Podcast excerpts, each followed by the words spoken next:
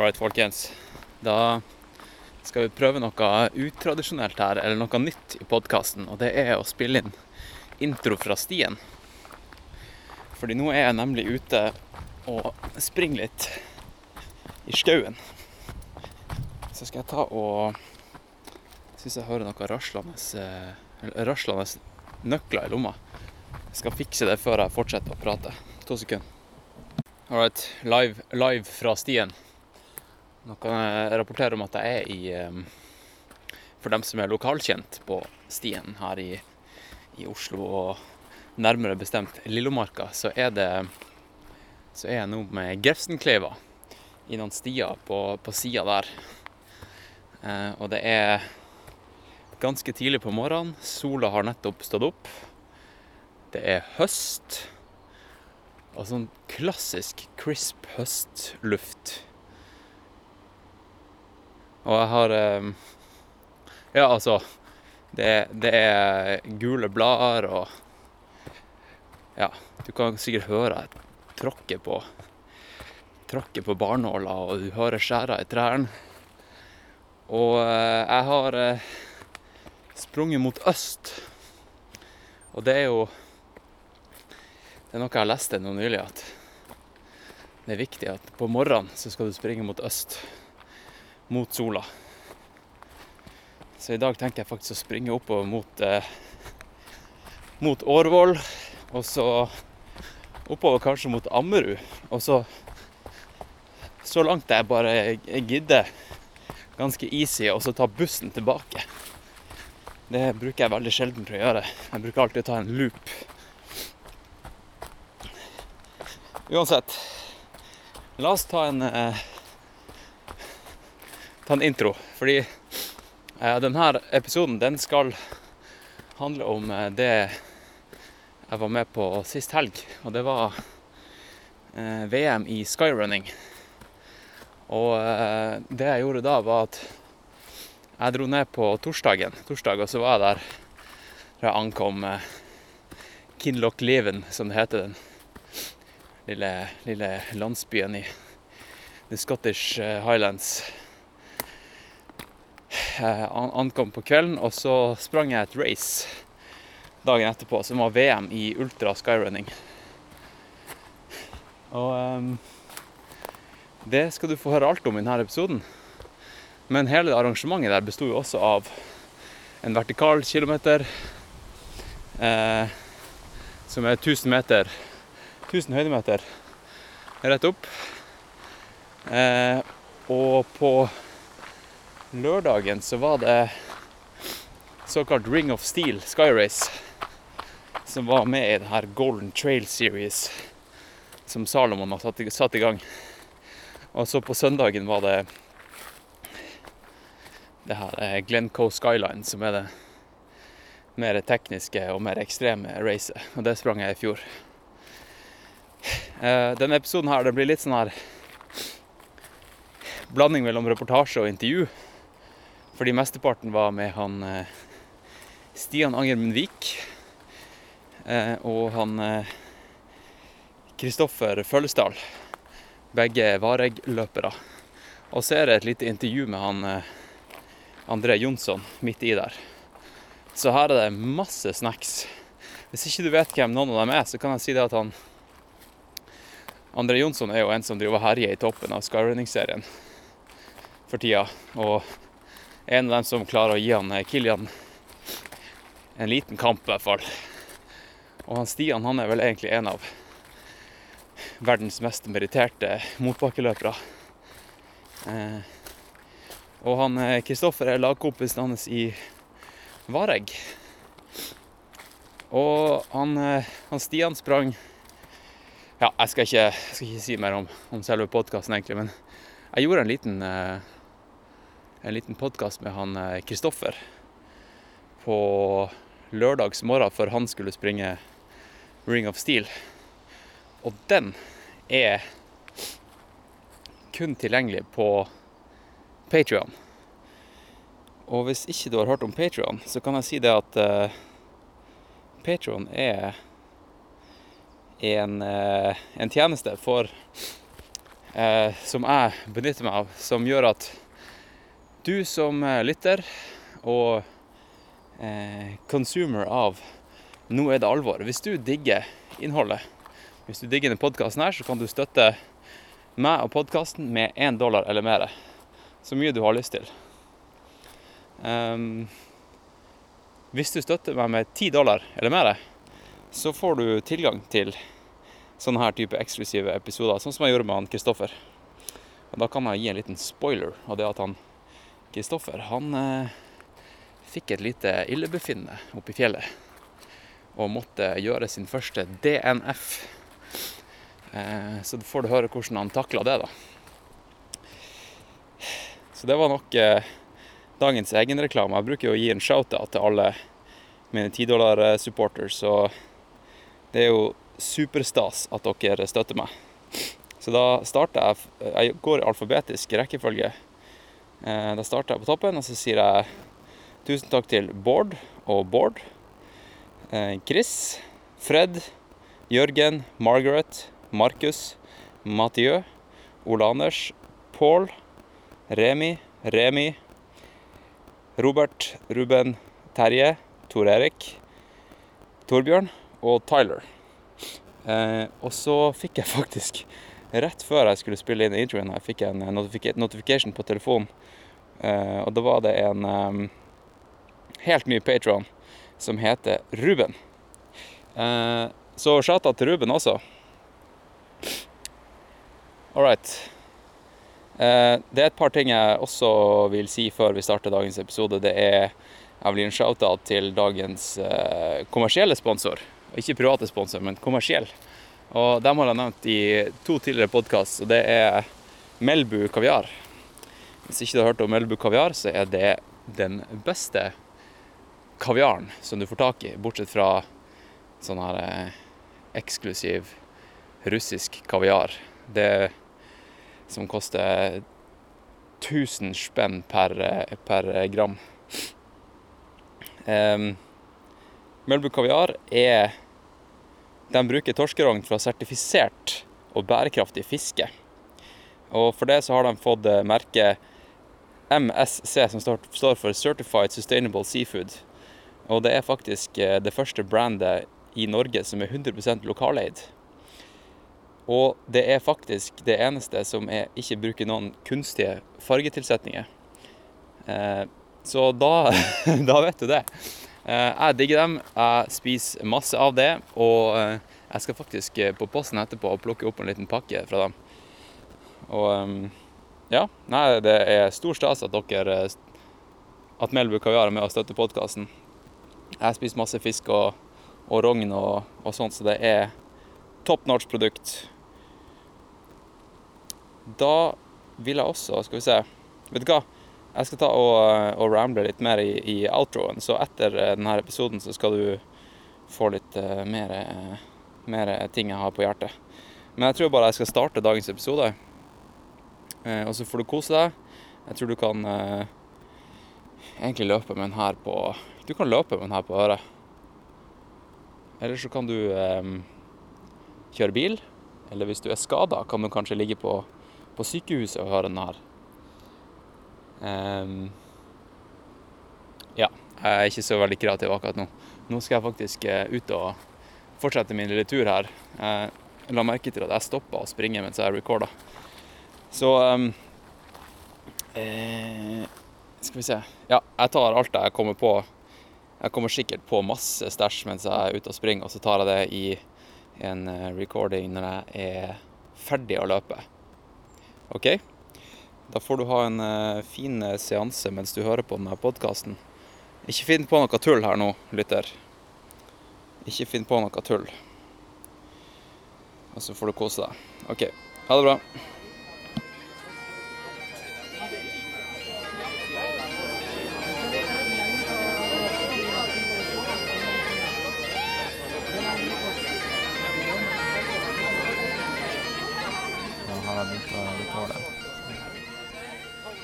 Ja, hvem har lyst til å ta ordet? Hvem har lyst til å sette kontekst? Jeg kan godt ta ansvar, jeg. Ja. Velkommen til eh, podkast. Hva er det de kaller denne podkasten igjen? Nå er det alvor. Nå er det alvor, ja. Og det er det virkelig det for de som er ute og løper i dag. For vi skal ut, ut og heie litt på de som løper da Glencoe Skyline, som det heter. Så, og i dag er det jo eh, I Skottland. Hæ? Ja, Vi er i Skottland. ja, vi er i Skottland. Det må vi ha med oss. Ja. Men det er da ordentlig skotsk vær, som de sier. Så her er det De kjører litt alternativ trasé i dag. Dårlig vær-løypa. Eller bad weather course, som de kaller det. Så um, da går jo glipp av de spennende ryggene som, uh, som du løp i fjor, da. Mm. Um, men jeg tror det blir gøy for dem allikevel. De, ja, jeg tror det blir fett race. ja, jeg tror det, altså. Uh, og de har jo åpna ganske knallhardt, som vi har sett på trackingen. Ja. Mhm. Så nå sitter vi i bilen og eh, venter på å løpe ut for Heie.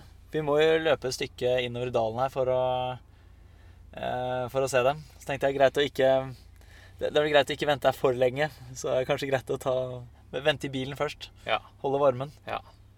Men nå sitter vi i en bil med ganske mye dugg på ruten. Ja. Det er skikkelig ruskevær ute. Og eh, jeg tipper det blir en ganske gjørmete løpetur også. Ja, jeg tror det, altså.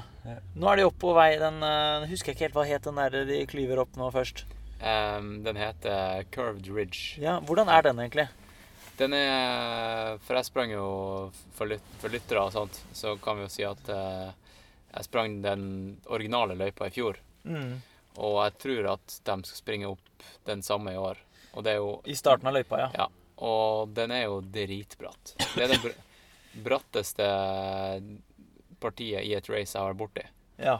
Det, jeg hørte at det er 700 høydemeter med klyving og klatring. Ja, det er ordentlig klatring, liksom. Så da, da var det en som spurte meg om litt sånn eh, gameplan i går, og, og da sa jeg til han eh, før, Du må bare finne din riktige posisjon før du kommer til curved, curved ridge. Eh, Fordi i fjor så havna jeg litt sånn i kø.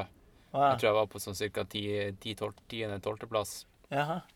Og det var ingen mulighet til å gå forbi noen oppover der, fordi du liksom går eh, Det er såpass teknisk, da. Det er såpass bratt at det, det er umulig å gå forbi noen. Ja, sant. Nei, Så det var jo der Kilian og John stakk. Fikk oh, ja. luke i fjor. Ja, ok. Sammen med Alexis, da. Ja. Han var jo med en eh, god stund der også. Ja. Nei, for det var vel i fjor Nei, men eh, året før der igjen, så var jeg jo her, og da var det jo flere av de andre i Salomon, da, som jeg representerer. Uh, Svammeløp, og hun ene som pleier å ta bilder for Salomon, hun tenkte hun skulle hive seg med, for hun er glad i, når er glad i Kima og de løpene der. Mm. Så vi kom til et sted der, så bare skjønte hun ikke helt hvor, skal jeg? Og så bare han sa nei, du skal opp. Og så bare shit, så hun bare rett opp. Det var loddrett opp. Og da tok han tak i stumpen hennes og bare dyttet hun oppover. Sa, hun sa det var ganske drøyt. Ja, det er, det er skikkelig drøyt. Ja. Så i dag er det jo som sagt den her Bad Weather Course. Og jeg, jeg må innrømme jeg ble litt overraska over at de inkluderte den i Bad Weather Course. ja, men det kan jo tenkes at det er siden at det bare går oppover, da. Det kan være at det er liksom Og de har på en måte sånn De har, de har droppa de skumle ryggene og sånne ting. Ja. Så Ja, fordi kly- klyving når det er skikkelig bratt, det går jo bra å komme seg opp. Men å gå ned samme, ja, det det, ville glemme. ikke gått. Nei. Og så skal de da springe ned en, eh, en ganske sånn sikksakk vei på litt større Litt sånn grusete parti, tror jeg. Ja, sånn, eh, I fjor så løp jo Kristoffer Må si hei, du også. Ja, hallo, hallo. Vi, vi løper innover dalen der hvor vi, løp, eh, vi skal løpe nå. Mm. Så løper vi opp på en måte på neste bakke. Da så vi jo dere sånne der bitte små prikker oppå fjellet Ja, det der. var stilig. Det var knallstilig. Ja, fett. Det så liksom Solen kom akkurat fram, og da var det jeg tror jeg- jeg tror- Jeg tror jeg tok bilde med mobilen, men det var sånn nedtur. Og sånn, burde hatt sånn skikkelig speilrefleks for å få, få bra bilde der. Men i fjor var det jo helt sjukt bra vær. Ja. Ja, det, det var helt ideelt. Jeg husker det var liksom regnbue, og Ja. sola liksom brøyt ned gjennom skydekket, og det var soloppgang. ikke sant? Vi starta jo drittidlig. Og Ja, ja, det var magisk I år er det jo utsatt til klokka ti på, på dagen. ja istedenfor å starte sju, ja. Ja. Ja, sant. Så det Ja, det blir eh, Det, det er litt sånn, sånn som eh, da jeg sprang den alternative ruta på fredag. Hvis ja. lytteren eh, Altså, vi kan, ikke, vi kan ikke sette nok kontekst. For det er jo mange som Mm. hører denne, denne episoden her nå, og kanskje ikke vet noe om løping. Ja, det er sant. Ja. Så um, Men det er på en måte litt en sånn de, På de fleste løp så har du jo på en måte en alternativ trasé. Litt Ja. sånn i forhold til sikkerhet. For sånn, det er jo utendørsidrett, og når det er skikkelig drittvær, så er det jo eh, på en måte ikke forsvarlig å sende folk opp på spisse rygger og ja, det er på en måte lettere for at det kan skje litt skader. da. Ja. Så eh, det var på en måte, jeg vil tro det var litt nedtur for dere å løpe den løp, løypa dere løp i forgårs, men Det det var på en måte innenfor, det var greit i forhold til sikkerheten. Ja, men, når, når du snør på Benevis og der du skulle løpe opp. ja. men det, det, det jeg skulle si, da, at det, det er liksom race er race. Mm. Og det er, jo, det er jo derfor vi er her. Ja. Det er jo ikke bare for naturopplevelsen. Mm. Hadde jeg bare vært her for naturopplevelsen, så hadde jeg vært her i sommer. Da hadde du droppa startnummeret. Ja. Ja. Så eh, det var jo for å liksom stille til start med de beste. ja, sant. Bortsett fra deg, da, som eh, sprang dagen etterpå. Men Jeg eh, turte ikke å løpe sånn lang løp som dere løp. Nei. Det var litt kortere. Du, hvorfor springer du ikke eh, lengre løp foreløpig? Du har ikke stilt til start på noen ordentlig lange løp, har du det? Jo, du sprang eh, Jeg løp et løp som heter Templier Festi- i Ja. Festival des Templier. Ja. Eh, Det var 78 km. Ja. Eller 76. Ja, rundt noen og 70, da. Hvordan takler kroppen din det? For du, du er jo vant til å springe hva det er, maks sånn type 30-35-ish raske fjelløp? jeg løper mye fjellmaraton. Ja. Uh, alt fra sånn vertikaler til fjellmaraton. Så er det sånn mye løp fra en halvtime til fire timer. da. Ja. Uh, og det jeg liker med det, er på en måte at det er ganske intense løp. Liksom du er på en måte, Det er høy puls og pusher på hele veien. Og så kan man gjøre mange løp. Ja, ikke sant. Du, kan, eh, du trenger ikke liksom en måned på recovery. Ja, Jeg snakket med en ene her nå eh, i Salmon som har løpt og, hva da? Western States 100 miles. Ja. Hun sa bare restitusjonen etter det er bare helt sinnssyk. Ikke sant? Uh, det er jo ekstremt langt igjen, da. Ja. Uh, men nei, nei, løp Templier, det var, det var gøyalt løp, altså. Uh, sleit litt med leggene. Jeg hadde litt sånn litt stram hamstring, og det gikk utover leggene. Så etter 10 km så sa leggene at du, nå er ikke vi med mer. Eh, men uh, kom nå i mål, det var en gøyal opplevelse, så jeg har lyst til å gjøre noe lignende igjen. altså. Ja. Så jeg skal jo avslutte sesongen i år med en ultra. Du skal det, ja? Ja, vet du hvordan? Eh, ja, det er en eh, eh, Hva er heter det? Pisayo Extreme eller noe sånt. Så er det et løp i, nytt løp, altså i Portugal. Okay. Midt i Portugal et eller annet sted der. Eh, og det er 65 km langt. Så ikke er noe avskrekkende distanse og sånne ting. Men det er høydemeterne opp og ned er jo da 6500 høydemeter. ok. Så det blir jo ganske drøyt, da. Så per mil så er det 1000 meter opp og ned i gjennomsnitt. Ja, det er jo per def et skyrace, da. Ja, det blir jo det. Nesten. Ja. Ja. Så det, den tror jeg kommer til å kjenne. Det tror jeg blir en gøyal eh, opplevelse. Men hvordan er naturen der? Er det, Altså, jeg- er det rygger, eller er det bare masse Jeg aner ikke. Liksom, dette er helt nytt løp. Når du går inn på nettsiden der, så står alt på portugisisk, og det er ikke noe kart eller noen ting. De har bare vist en løypeprofil. Og de har sagt at det er øh, Åh, nå husker jeg ikke byen heller, vet du.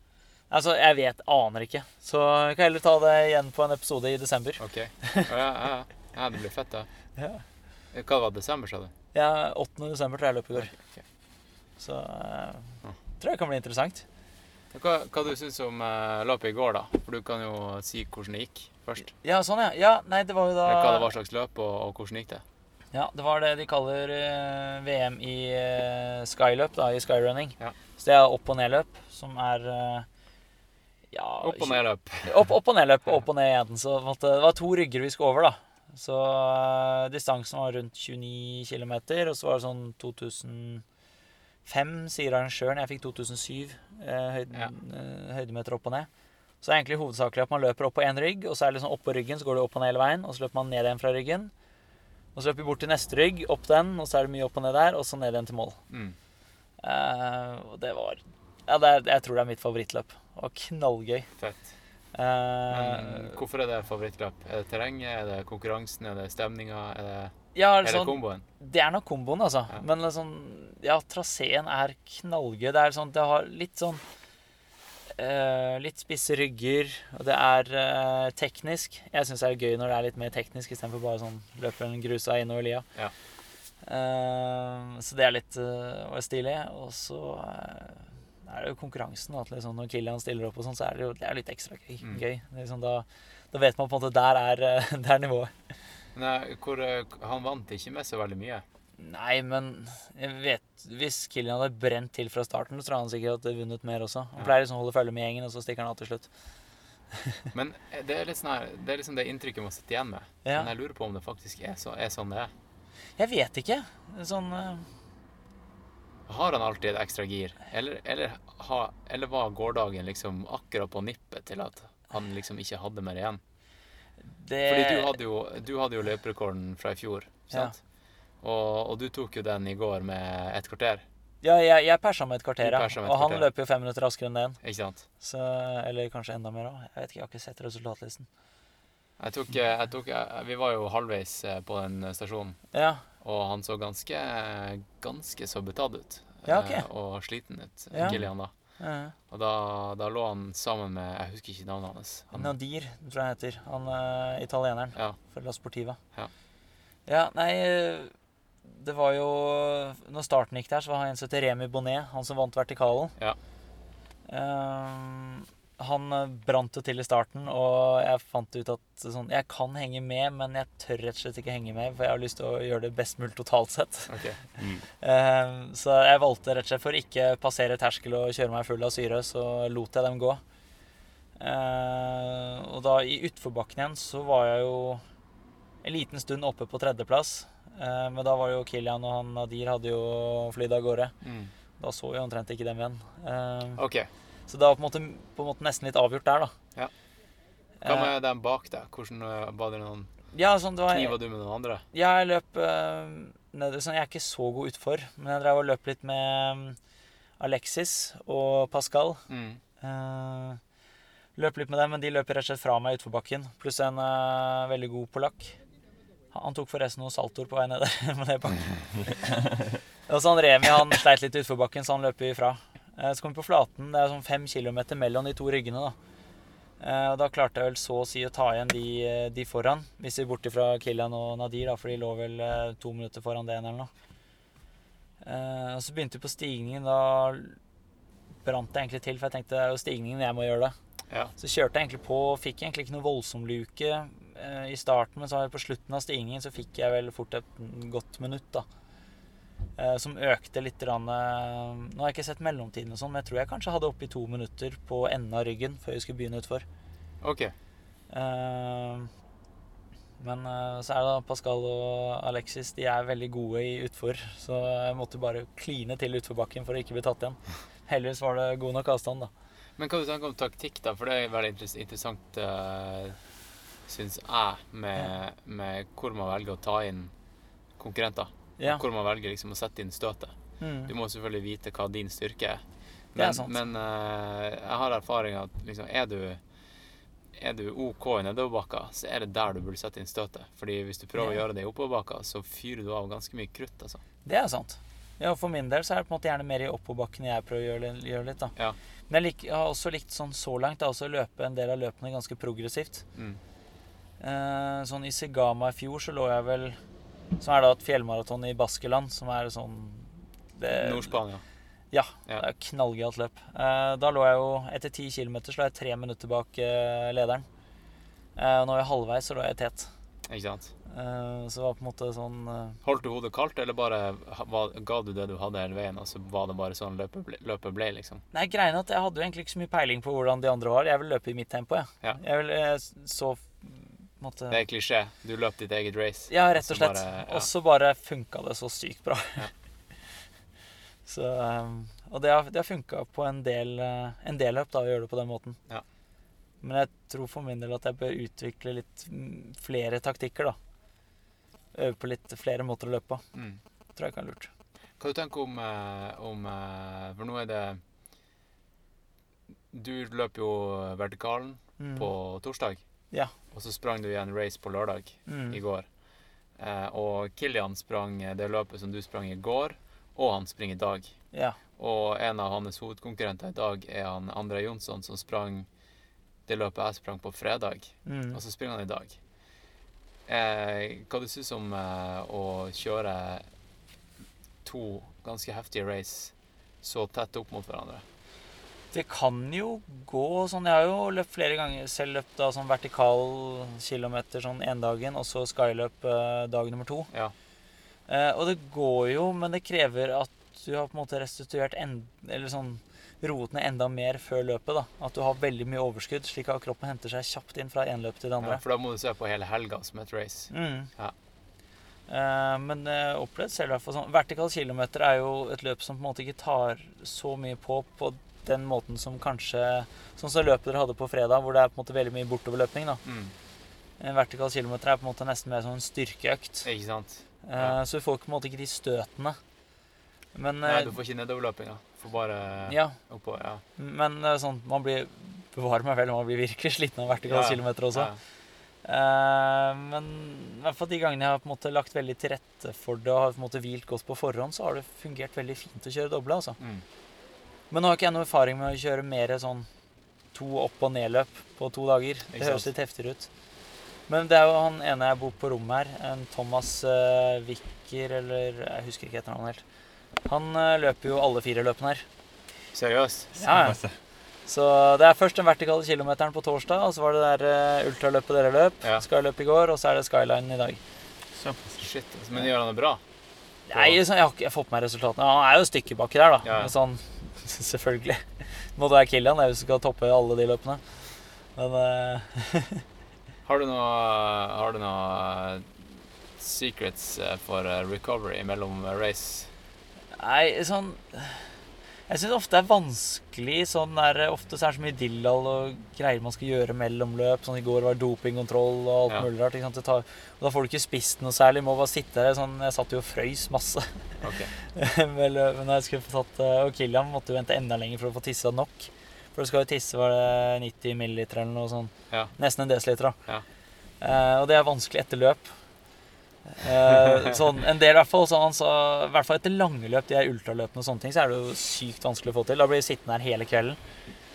Eh, og så var det sånn, når vi kom inn nå, så var det sånn her mål. Vi var jo ganske svette og sånne ting. Og så eh, fikk jeg ikke lov til å eh, liksom, Vi bor jo 300 meter fra starten. Ja. Men jeg fikk ikke lov til å stikke opp dit for å ta en dusj eller hente noe tøy. eller noe sånt. Jeg Seriøst? måtte være, måtte være der. Eh, og så må vi sånn drikke masse vann. Og det vannet er jo kaldt, og det blir jo enda kaldere å drikke masse kaldt vann. og når man fryser i utgangspunktet. Og så var det sånn, fikk jeg låne eh, Mamma var jo der, så hun henta en jakke til meg. Og så fikk jeg låne jakka til han ene som holdt dopingkontrollen. Så lå jeg, satt der og drakk masse vann og sto ikke noen pushups innimellom for å få opp varmen. så, så det er den ikke beste måten å restituere på, men eh, Nei, to triks er egentlig bare få spiss så fort som mulig, så mye som mulig, og drukket masse. Og gjerne også, hvis du har fylt opp med syre, så tror jeg kanskje det å kjøre noe, på en måte, noen slags på en måte terskeldrag eller noe sånn ettminuttere hvor du på en måte får opp pulsen litt, for da tror jeg du får bort veldig mye melkesyre. da. Ja. Å gjøre litt, eh, litt sånne ting tror jeg kan være en bra, Det- bra greie. Det husker jeg faktisk fra da jeg gikk på skøyter. At Ja. det var flere som likte å sette seg på sykkelen og kjøre terskeldrag Ja, ja. for recovery. Ja, og det, i hvert fall på skøyter her fyller det opp så sykt med syre. Da jeg drev med skiskyting i tenårene, så hadde vi også, sa han treneren at du gjerne kunne ta og kjøre noen si, enkle terskeldrag etter konkurranser og sånt Mm. også. Det var ikke så ofte jeg gjorde det, for jeg var litt sliten. Ja, ja. Men ters jeg tror ikke at eh, altså, da er det nedre del av terskel. Det er ikke øvre syrepushing. Jo, men jeg opplevde sånn med, med Vareg, da, løpeklubben min i Bergen, så var det for noen år siden så hadde jeg kjørt noen sånn der eh, ni eller ti minutters drag, da. Kjørt mange sånn opp og ned. Og da var jeg jo ganske segen i beina. Eh, Men det var terskeldrag, så jeg var på en måte ikke full av syre og sånn. Men da møtte jeg da tilfeldigvis Vareg, da, som skulle løpe noe Vi skulle ha en eller annen slags intervalløkt, men det var på en måte en del av det at vi skulle løpe en sånn eh, 10-15, sånn 45 sekunder i Mm. ganske bra fart i motbakke. Så tenkte jeg bare heiv meg med på det. Eh, og beina merka at de første tre-fire dragene var, var det helt for jævlig. Men så ble de bare bedre og bedre og bedre. Så når vi kom da til det 12.-13. draget og sånne ting, så var det sånn Følte beina var helt luksus. Okay. Så kanskje det er en greie å gjøre litt Kanskje sånn. det er bra tips når du er ferdig med noe helt for jævlig sånn fysisk eh, aktivitet. Bare fortsett. Ja, ja, men Gjør mer av det. Det, det kommer litt an på, da. Når, når eh, han der tjommen din løp opp til Galdhøpiggen, så jeg tror på en måte å kjøre sånn eh, 45 sekunder på toppen der da er på en måte litt uaktuelt. Du må se an litt, sånn, i hvert fall på Ja. Ultra har jeg lite erfaring med, men når det blir på en måte kortere, intense greier, da, så tror jeg det er greit å kjøre litt enklere drag. Hva tenker du om dagens eh, resultater? Skal vi noe, ha noen predictions? Ja, sånn, Jeg tror det er vanskelig å komme utenom eh, Kilian når det gjelder toppen, altså. Ja. Har du noen uh... Nei, jeg tror det Jeg tror kanskje, jeg tror kanskje at han andre Jonsson Jeg tror han har veldig lyst til å ta Kilian. Ja. Sånn ekstremt lyst. mm. Jeg tror, jeg tror kanskje at uh, det var litt for tett på med, uh, med race for Kilian i dag. ja. Jeg tror til og med Kilian skjønner at i dag er det, er det vanskelig å pushe kroppen. Ja, men det er spennende å se, da. Hvis du ser på trekkingen, men den er jo litt sånn GPS-en er ikke helt nøyaktig. Så ser det ut som det er André Jonsson leder med litt. Grann, ja. Han gjør det, ja? ja. Ja, ok. Ja. Spennende. Men de har jo en siste bakke de skal opp. Ja.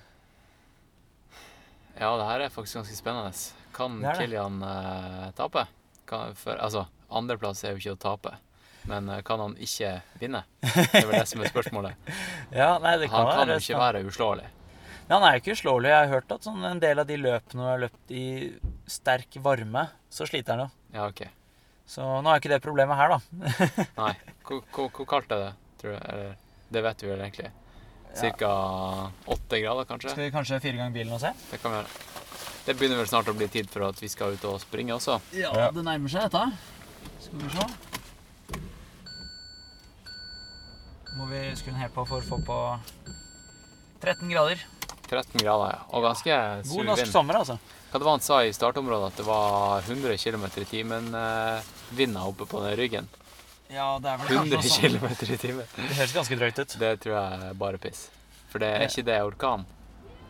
Jo, det er vel Tornado. eh, Ja, jeg vet ikke hvordan grensen er der, men det er fall eh, Det er ganske kraftig. Men at vindene blir kraftigere der enn en del andre steder, kan godt være. Det kan være. Men ja. Ser du hvor de ligger an på GPS-en? Ja, jeg har mistet forbindelsen nå. Er litt dårlig dekning her. Ja, det, skjønner jeg godt. Skal vi heller bare ta sjansen på at de nærmer seg og Ja. sprenge inn? Det kan vi gjøre. Ta med oss litt ekstra klær, tenker jeg. Hvis det Ja, det er kanskje ikke så dumt. Skal jeg ta med mikken, eller? Ja, kanskje kan eh, Det kan være gøy. Få da. litt uh, ambience fra stien. Ja, ja. Jeg gjør det. Men kan kan spille litt på det òg, da. Ja, ja. All right, vi er her live fra løypa. Vi har nettopp eh, sett eh, Kilian og André Jonsson eh, passere oss. Vi er ganske langt oppe i lia, og dere kan høre en foss rett ved siden av oss. Ja. Og de er nå kanskje skal vi si, fem minutter foran resten. ja, det er litt hardt i. Jeg tror kanskje noen to-tre minutter, tre minutter, da. Kanskje. Og eh, hva, hva kan vi eh, si om eh, det vi nettopp så? Nei, vi ser André han så jo litt kjørt ut. Ja. Eh, og så Kilian eh, lå bak der med Spaserte bak der med strå i munnen og eh, fortalte at bien kommer etter den. Ja. For, hvis ikke alle, for de som ikke vet det, så har jo Kilian bie, allergi for eh, bier. Eh, og så ble han da stukket rett før ut MB i år. Tre-fire timer før start og måtte bryte fordi at han fikk allergisk reaksjon. Og så har da teamsjefen i Salomon, Greg Vollet, han har jo kledd seg ut som en bie. Så står UTM eh, Bi. ja, ikke sant? Eh, så han kommer da jagende bak. Så, Han er rett bak her nå, ja. ja, han er vel på en fjerdeplass her nå, så jeg tror eh, Ja. Nå kommer tredjemann. ja. Hei, hei! Hei, ja. Come on! That's good, come on! Good job! Go, go, go! Go, go, go! Come on! Looking fresh! Vi kjører bra på. Og her neste er da Greg Vollet, bien. Tror du han eh, kommer til å kjøre løpet helt inn, eller? Greg? Ja, er, Ja, gjør han det bare på tull, eller er det Nei, han, ja, han kledde seg ut som bi og løper, han, så når, når han stiller opp i løpet, så løper han jo det han kan, men det er litt sånn Jeg skal prøve å få ta et bilde av Ja, han. du må ta og legge det ved siden av, så folk kan se egentlig faktisk hva dette er for noe. Ja. Come on, Greg! Put on the glasses!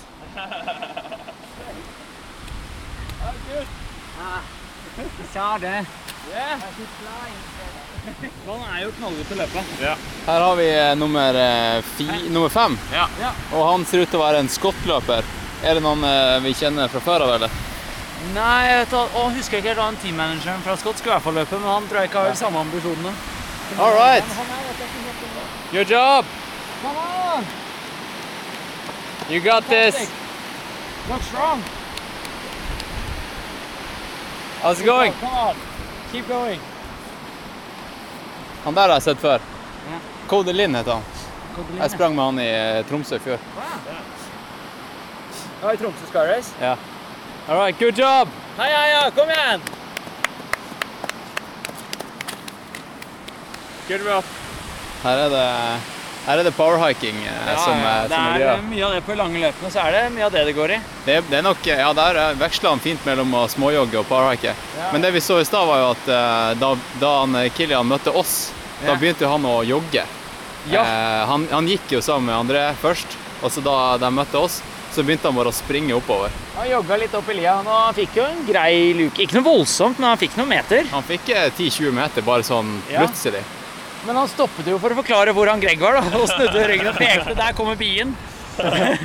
så, chasing him, så den er Så det her høres helt sinnssykt ut. jager, jager han. Oh, come on! You're doing great. Good job! Good job. Ah, keep going. Good job. Ja, det her er artig. Ja, ja. Det her er fett. Er litt morsomt hvis du na- navn på nummeren òg. Så hvis du klarer å lese, Ja, så er det gøy å heie på dem med navn. Ja. Men det er Altså, men det, det er mange av de har liksom litt krølla, så Ja. ser på en måte ikke navnet nederst der. Ja. Du kan på en måte ikke stoppe dem og rett, rette ut Ja. nummeret. All right, go, go, go, go. Heia! Ja, vi sier heia, heia, heia, uansett om vi er i, Ja, i du Skottland. Vi kan si animo, animo, venga, venga, alle, alle! Alt mulig rart. Alt går, bare det, Ja, ja. Bare det er lyd. Sant. Skulle hatt noen av de bjellene vet du. Ja, ja, ja. Kan du prøve å beskrive landskapet vi, eh, vi er i nå? Jeg prøvde jo litt i stad, men eh, Ja. det er, jo, det er jo helt drøyt, egentlig. Vi står jo langt oppe i en li, i en dal, med en foss. Og det er Ja, du kan jo fortsette siden jeg spurte. ja. Nei, det er på en måte sånn eh, ganske bratte fjellsider rundt omkring her, altså.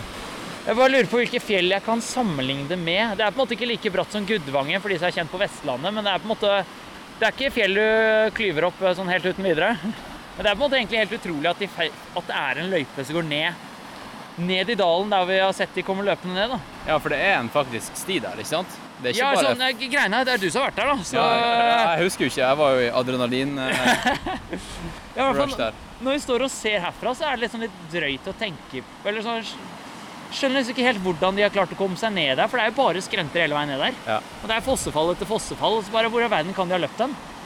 Og når jeg ser oppover her også, så er det på en måte Nå står vi jo på en måte i lia på andre siden, og her ser vi jo at det er, at det er mulig. Ja. og så er det jo, man si, det er stilig vi ser skyene drive og uh, gå forbi toppene her, da. Ja, det er ganske fett, for det, det, jo, det regner jo faktisk ikke nå. Vi er ganske heldige med det. Ja, vi er knallheldige. Det er bare heftige skyer. Og der har vi en svenske som jeg kniva med i fjor på samme race. Å, kult! Ja, ja. Det her er fett. Jeg husker ikke. Nei? Heia, heia, All Ja, right, kom igjen! kom igjen! Er det Sverige? Nå kjører vi!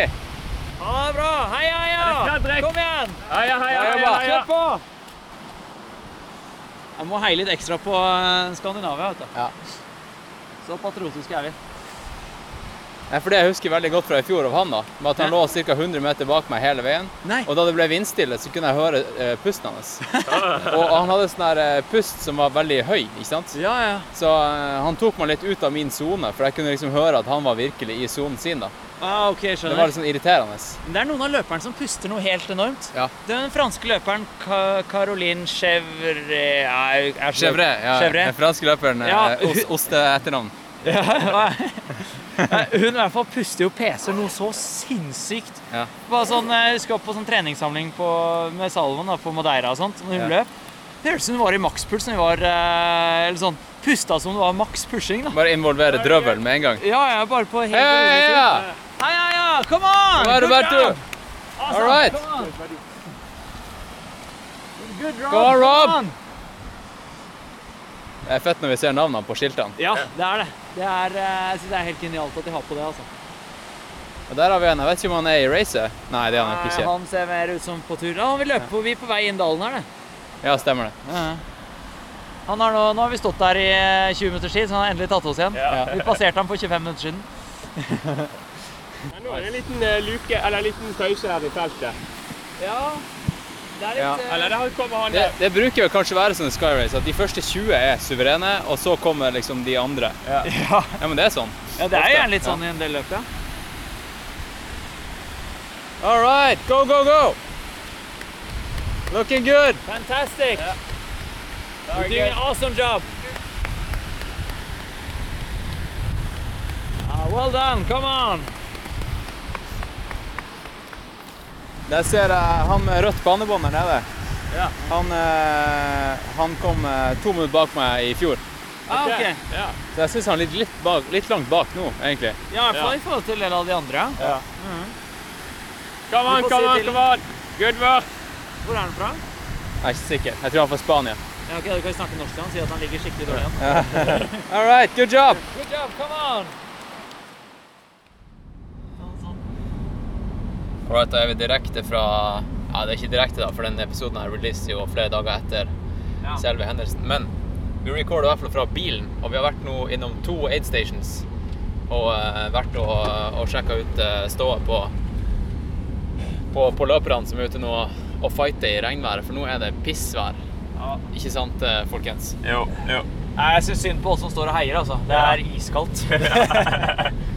Heldigvis så var det jo eh, det er en sånn her liten, eh, liten pickup truck med, med ordentlig espressomaskin som heter Hva var det de het igjen?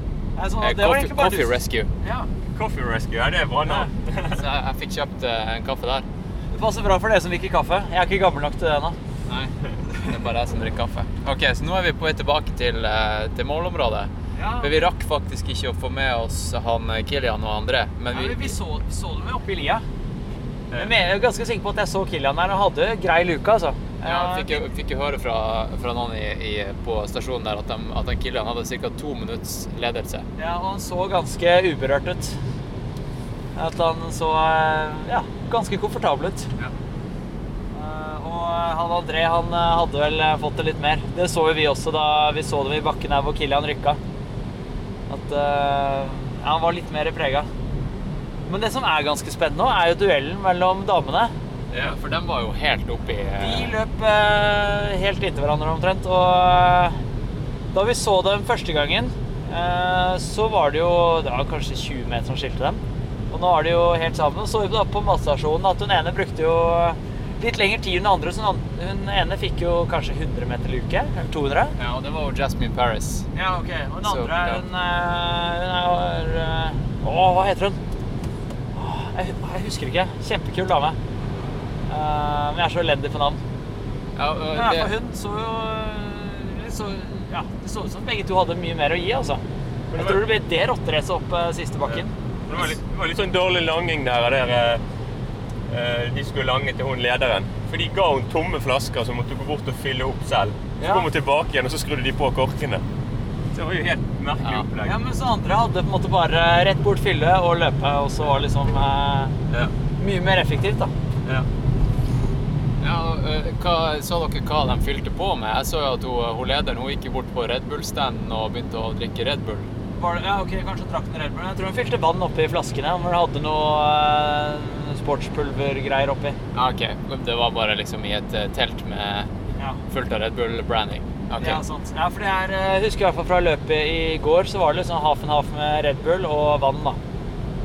Så der tok jeg feil. Jeg gikk jo for Red Bull, vet du. Det er jo skandale. Smaker så forferdelig. Ja, hva tenker dere om, om Red Bull i race og, trening? Nei, sånn eh, Red Bull, det er, jeg smaker det de gangene jeg tar feil på matstasjonen. Det er egentlig da jeg smaker Red Bull. Syns det er helt forferdelig. Ja, det er jo mange meninger der. Altså, han, eh, han eh, Johannes som sprang til eh, Galdhøpiggen i sommer, han, han drakk jo masse Red Bull, og han digger jo smaken. Ja, Så eh, det er jo litt sånn smakssak. Men ja sant. eh, Jeg syns det var Det kan være skikkelig deilig med glass cola etter løp.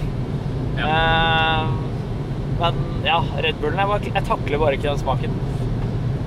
Det er, Da, eh, da er det bedre med en eller annen sportsdrikk, altså noe sånn pulver de blander ut av et eller annet slag. ja, som er laga for å fungere Ja. under intensitet. Ja. Ja, noen av de. Det er jo så mange varianter, så eh, ja. Har du noe brand du liker å bruke, eller? Nei, eller sånn greia at jeg er litt ny på dette greiene her, så eh, jeg bare prøver å feile litt. Så jeg har nok prøvd litt forskjellig. første jeg prøvde, var noe sånn her Herbalife. Det er sånn her eh, hører- Virker nesten som en sekt Altså sånn hallelujastemning. eh. Ja, for det er jo sånn pyramidespillopplegg. Ja, ja, det er bare gjald, vet du. Og øh, det husker jeg var sånn der øh, De fortalte jo sånn der grunnen til at Barcelona var så god i fotball, da, på grunn av Herbalife, og det var sånn der helt sinnssykt. Ja, Var ikke han liksom Cristiano Ronaldo eh, ambassadør for Herbalife? Ja, det er godt mulig, det. Det husker jeg. Men, men det var jo bare bullshit. Ja, altså fortalte noen greier at det var en eller annen person som var overvektig, så begynte med Herbalife-greiene her, og så bare gikk rett ned i matchvekt og holdt den perfekt etterpå. Det var, trengte ikke å trene engang, det var bare Herbalifen som gjorde liksom alt. Så det er jo sånn der øh, Og jeg husker hver gang det kom et sånn kritisk spørsmål, så gikk de på en måte rett i motangrep. Så eh, det vil jeg anbefale å ikke kjøre på det. Men jeg tror det er mange andre eh, brands som kan være ganske bra, da.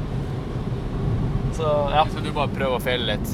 Ja sånn, jeg har jo ikke så mye erfaring med sånn her sportsdrikk. Det er sånn her, eh, Jeg har egentlig pleid bare å drikke vann, jeg. Og så eventuelt ta litt saft. Ja, for du springer jo ikke så veldig lange løp, så det er liksom ikke sånn kritisk at du får i deg eh, At at det du tar i deg, fungerer over masse timer i strekk. Det er såpass høy intensitet, ikke sant? Ja, det er ganske høy intensitet, men jeg har på en måte spist ganske lite på løp. Eh, Hva du spiste i går, for, eksempel? Du brukte tre timer og hvor mange minutter? Ni minutter? Ja, noe sånt. Så jeg hadde heiv i meg fem gels, var det vel. Mest koffein i de som var på slutten. Eller da det var koffein i de. Men før det så har jeg på en måte løpt sånn her eh, eh, Løpt fjellmaraton sånn tre timer og tre kvarter og spist liksom én pakke med sånn eh, shotblocks. Ja. Og det- det er det, så jeg har spist egentlig latterlig lite. Og så har jeg snakket litt med litt folk, og så har jeg egentlig kommet fram til at jeg kanskje bør spise litt mer, da. Så eh, det er på en måte har jeg prøvd litt nå i senere løpene. Jeg syns det egentlig funker ganske mye bedre. Jeg har mye mer energi. Så eh, Ja, det er rart med det at når man spiser litt, eh, at man får litt mer energi. ja, det er rart det der.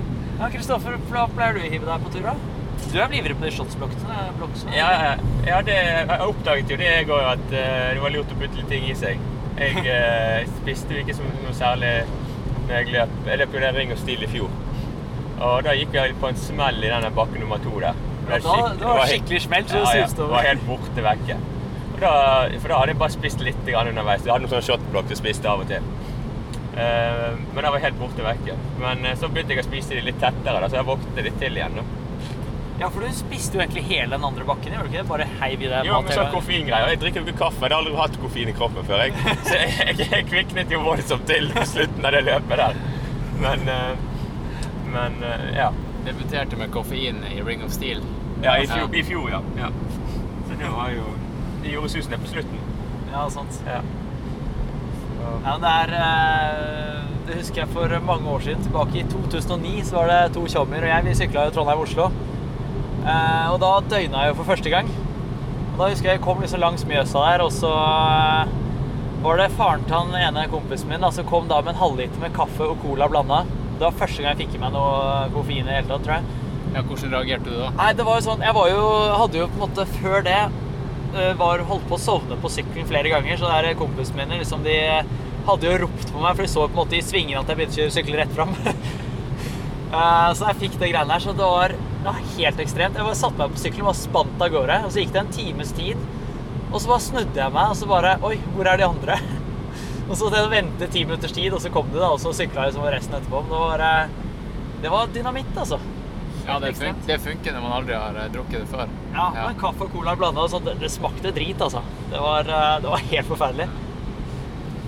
Hva, eh, hvor god tid har vi nå, tenker dere, med, med å se målgang til Kilian? Og, Jeg, tror, jeg tror kanskje Kilian eh, Jeg tror jeg det er litt tiden av veien jeg, nå snart. Ja, jeg tror, jeg, kan- jeg tror det er litt kritisk om vi rekker det eller ikke. Ja. for nå er vi i Fort William straks. Nei, ikke Fort William. Vi er i eh, Glencoe nå. Ja, Glencoe. Ja. Ja. Og så er det sånn fe- eh, 14 minutter eller noe sånt eh, ned til Kinnock-livet. Ja, nå har du jo 6 60 miles per hour på de her kjæreveiene innover der, så det er, Ja. det er så drøyt. Kjøre i 100 km i timen der. Ja. På veier som sikkert i Norge ville vært 40 km i timen på. Og du kjører på feil side av veien. Ja, ikke sant? ja. Ja, men sånn, det går greit så lenge det ikke er kryss. Og det er smale Det, det verste jeg egentlig funnet i de smale broene. Så kommer man nå. Ja, ikke sant? Hvor du bare kjører én over én retning om gangen. da. Uh, og da er tendens til å legge meg over i feil fil når vi kommer på andre sida. Alright, da er det bare å, å rallykjøre inn til, Ja, ja. eh, til mål, og så får vi bare håpe at vi rekker dem. Ja, det blir spennende. altså. Det er jo noen av de andre norske som også gjør det bra. da. Ja, så, Han der Espen eh, husker jeg ikke etternavnet på han, da. Men han var jo, lå jo bra, an. Ja. og så hun, eh, Marlene. Ja, hun, eh, hun lå jo ganske nærme tredjeplassen. da. Mm. Hun var jo lenger bak der vi så hun første gang. Jeg tror hun tar tredjeplassen. da. Ja, det, jeg håper virkelig. Hun så i hvert fall eh, ganske fokusert ut inn i matstasjonen der. Det var jo sånn her uh, Hente det hun skal ha, bang rett ut, og så kjørte hun på. Hun andre lå vel ja, to minutter foran? Nei, det var kanskje Ja, mindre. Cirka to minutter. Ja. Og de skal jo opp en ganske seig stigning nå, da. Mm. Uh, så vidt jeg eh, har sett på kartet, tror jeg egentlig bare nå én stigning opp, og så er det litt lenger utforbakke, og så er det i mål. Okay. Så eh, ja.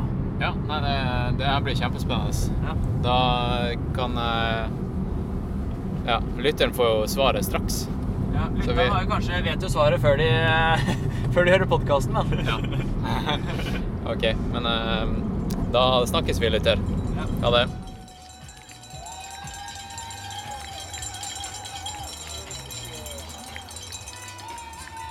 Da kan vi jo si til lytterne at vi har ankommet eh, Kinlochkliven i målområdet, og vi kom vel egentlig akkurat ett minutt etter at eh, målgangen var ferdig. Ja. Vi rakk det akkurat ikke. Og eh, da var det vel ikke noe overraskelse at eh, Kilian vant. Nei, han så jo ganske sprek ut i dag, ja. Ja. Han Ja. sa jo det også etter løpet i går, at han følte seg ganske fin og sånt også. Var helt fresh. Mm, ja, jo sånn, han sa at han følte seg bra, da. Og hva, hva ble vinnertida? Var det Ja, 3.38 eller noe sånt? 3.37-3.38, et eller annet sted der. Og André Jonsson på andre. Ja, på rundt 3.40. 3.40. Og Og neste 3.42. Ja. Mm. Så det ble, det ble Det var ingen overraskelse, egentlig. Nei, det er jo egentlig ikke det, men samtidig er jo Alt kan skje i et løp, da, så Ja. ja. Har det noen gang vært at han Kilian har eh, falt og måtte bryte? Som du kan huske? Han har i hvert fall falt. Ja. Det var jo på det der eh, Åh, Hardrock 100 i fjor. Ja, men, da, ja. Da var men han jo- brøt jo ikke. Han vant jo fortsatt. Han Ja, han slo jo skuldra ut av ledd. Ja, han drev og sklei på en snø, sto ikke noen sånn araber flikkflakk og noe greier utover, eh, nedover i noen steinrøys, og så slo han skulderen ut av ledd. Så eh, Men ja, han har vært litt uheldig i løpet nå, vil jeg tro. Så Men ikke at det er sånn Jeg er så dårlig til å følge med på alle løpene også. Det er så mange løp, vet du. Ja, det er jo egentlig ganske interessant å, å snakke med, med eliten, altså dem som eh, kommer ofte på pallen og sånt. Mm. Hvor mye følger de med på sporten sjøl? Hva, hva du Nei, sånn Er du eh, jeg føler- klistra til skjermer og sånt? Nei. Nei? Eh, ja. Er du like stor fanboy som, eh, som alle andre? Av eh, sånn, Jeg ser på mange av de andre er på en måte store stjerner av de andre i teamet og i andre team og sånn, men samtidig når du er sånn, blir kjent med dem, så er de bare trivelige venner. Ikke sant? Så Ja. Nå som jeg står og snakker med deg og har blitt kjent med deg, du er jo bare en vanlig dude. Du bare er tilfeldigvis bare jævlig rask. Sant? Jeg føler meg ikke som noen stjerne i det hele tatt. Men det, det, jeg syns det er rart å ha vært sånn på tur i hm? Hva er det jeg sa bilnøkkelen? Da får jeg låse. Jeg tror det var du sa den, jeg. Skal vi se. Da tror jeg jeg skal være på stell. Nei, Jeg syns det er rart når jeg har vært ute på tur, sånn, eh, i hvert fall i Spania, sånn folk skal komme og ta sånn her selfie med meg, autografen og sånne ting. Kanskje de rødmer litt og litt sånn eh, Å, Ja, det- der er han. Det er Der veldig er han rart. Stian. Jeg har sett på, på Instagram. Er det ikke rart? Det er helt rart. Det var sånn, I går så var det jo en eh, Da satt jeg med foreldrene mine og lillesøster på ene puben borte her etter løpet. Ja. Og da kom mor og sønn kom bort og lurte på om jeg kunne signere Kilian sin bok 'Den Run or Die'. Om jeg kunne signere og skrive en hilsen til sønnen din. så det er, det er veldig Ja, hyggelig, det er jo ikke rart men, eh, altså, at- det skjer, men det Nei, må jeg- være jeg snodig for deg å oppleve det. Ja, tenker jeg syns det er veldig rart. Ja. Men det er, det er, sånn, det er morsomt. Ja, det er helt rått. Ja, hva du tenker om resultatet, Kristoffer? Ja, det var jo så forventet. Det var vel det. Så Ja, hvis ikke så hadde du gått bort og fortalt Kilian åssen det skulle vært. Ja. Nei, gir jeg. kan jeg Men det var jo eh, litt imponerende han der eh, André Jonsson som løp eh, på fredag her òg, og så gjør det så bra her i dag. Jeg syns det er litt sånn som um, i fjor på UTMB, Ja. at uh, ja, Kilian vant. Mm. Nei, ikke UTMB, han kom på andreplass. Han kom på andre, Ja. ja. Ja, for da var han Frans, Frans Francois, Francois vant. Ja. Eh, men uh, hva det var? Han Tim Tollefsen kom på tredje. Så det var liksom eh, Francois og Kilian er såpass eh, suverene at de, de telles ikke. Det er liksom eh, Tim Tollefsen vant egentlig. Blant, blant de dødelige så var det han som vant. Ikke sant? Eller kanskje det. Jeg aner ikke hvem det er. Nei. Altså, jeg kan ikke navnet, jeg kan ikke navnet på løpere. Nei. Ja, det er jo Det er interessant det der. Nei, I teltet her var det de hadde sånn dopingkontroll i går. Ja. At det var så kaldt, det. Etter løpet. Nå begynner vi å nærme oss, eh, som folk kan høre, eh, høre at eh, I just did a, I just did a bad descent. That's what went wrong. that first descent, I just did a, some days you have bad descents, don't you? Yeah, Lost loads of time. shit happens. And then I You got did a strong race. got overtaken by Bumblebee. No, Bumblebee. Yeah, Did he he overtook, finish? he overtook me. Then, I- then I then I took him again. He says, "I am dead." I was like, "Okay," because he was running strong, wasn't he, Greg, for the first while, and then he blew up big time, I think. Yeah. anyway, well run as well yesterday and the, and the day before. Okay, have a nice recovery. Gregen har ikke kommet til målet heller. UTMB. Så ja, UTMB hva, hva, hva han sa han ble tatt av han? Ja, han øh, løp, løp, løp forbi han en stund. Han sprang forbi han. Det vil si at han, eh, bien han, han eh, kanskje møtte veggen. Ja, jeg tror nok kanskje det. Jeg tror jeg fikk uh, kink i vingen eller noe. Ja. Det er vel litt varmt å løpe på kanskje med det der, eh, kostyme. De sa det før start, og sykt varmt. Skal vi gå inn eh, bak her, eller? Ja, vi kan gå inn i varmen litt. Ja. Der kjøler jeg. Jeg begynner å bli ganske lunsjsulten. Ja, det tar litt på for oss som heier, altså. Det Ja. er litt uh... Det hus- det husker jeg da jeg var crew til han Johannes eh, opp til Galdhøpiggen. ja. Det, var jo, det tar jo skikkelig på å være crew. Man må ikke glemme av seg sjøl. Ja, men det er, Altså- det er sykt gøy. Det var sånn, For noen år siden så skulle kona mi løpe et løp som vi har i Bergen som heter Styrkeprøven rett vest. Ja. Det er et maraton. Eller de skriver at det er 50, men det er et maraton. da. Uh, og da var det sånn jeg kunne, jeg kunne kjøre mellom fjellene og så heie. Å, fy søren, så gøy det var. Ja. Jeg var jo på en måte mye mer engasjert enn alle de som løp. Det var, det var så morsomt. Så Men da er- glemmer man å spise sjøl, da. Ja, det... Så når det- det er ferdig, så bare Å, shit, jeg er sulten. Ja, det kan nok være at det skjedde. Vi får se om vi finner noe snadder her, da. Ja. Noen som er frista på De har jo noe Jeg spiste en suppe og eh, toast i går. Det var ganske nice. Ja, det hadde jeg en ene dagen her. Det er sykt godt. Så har du noen deilige kaker òg, da. Ja, det er sant.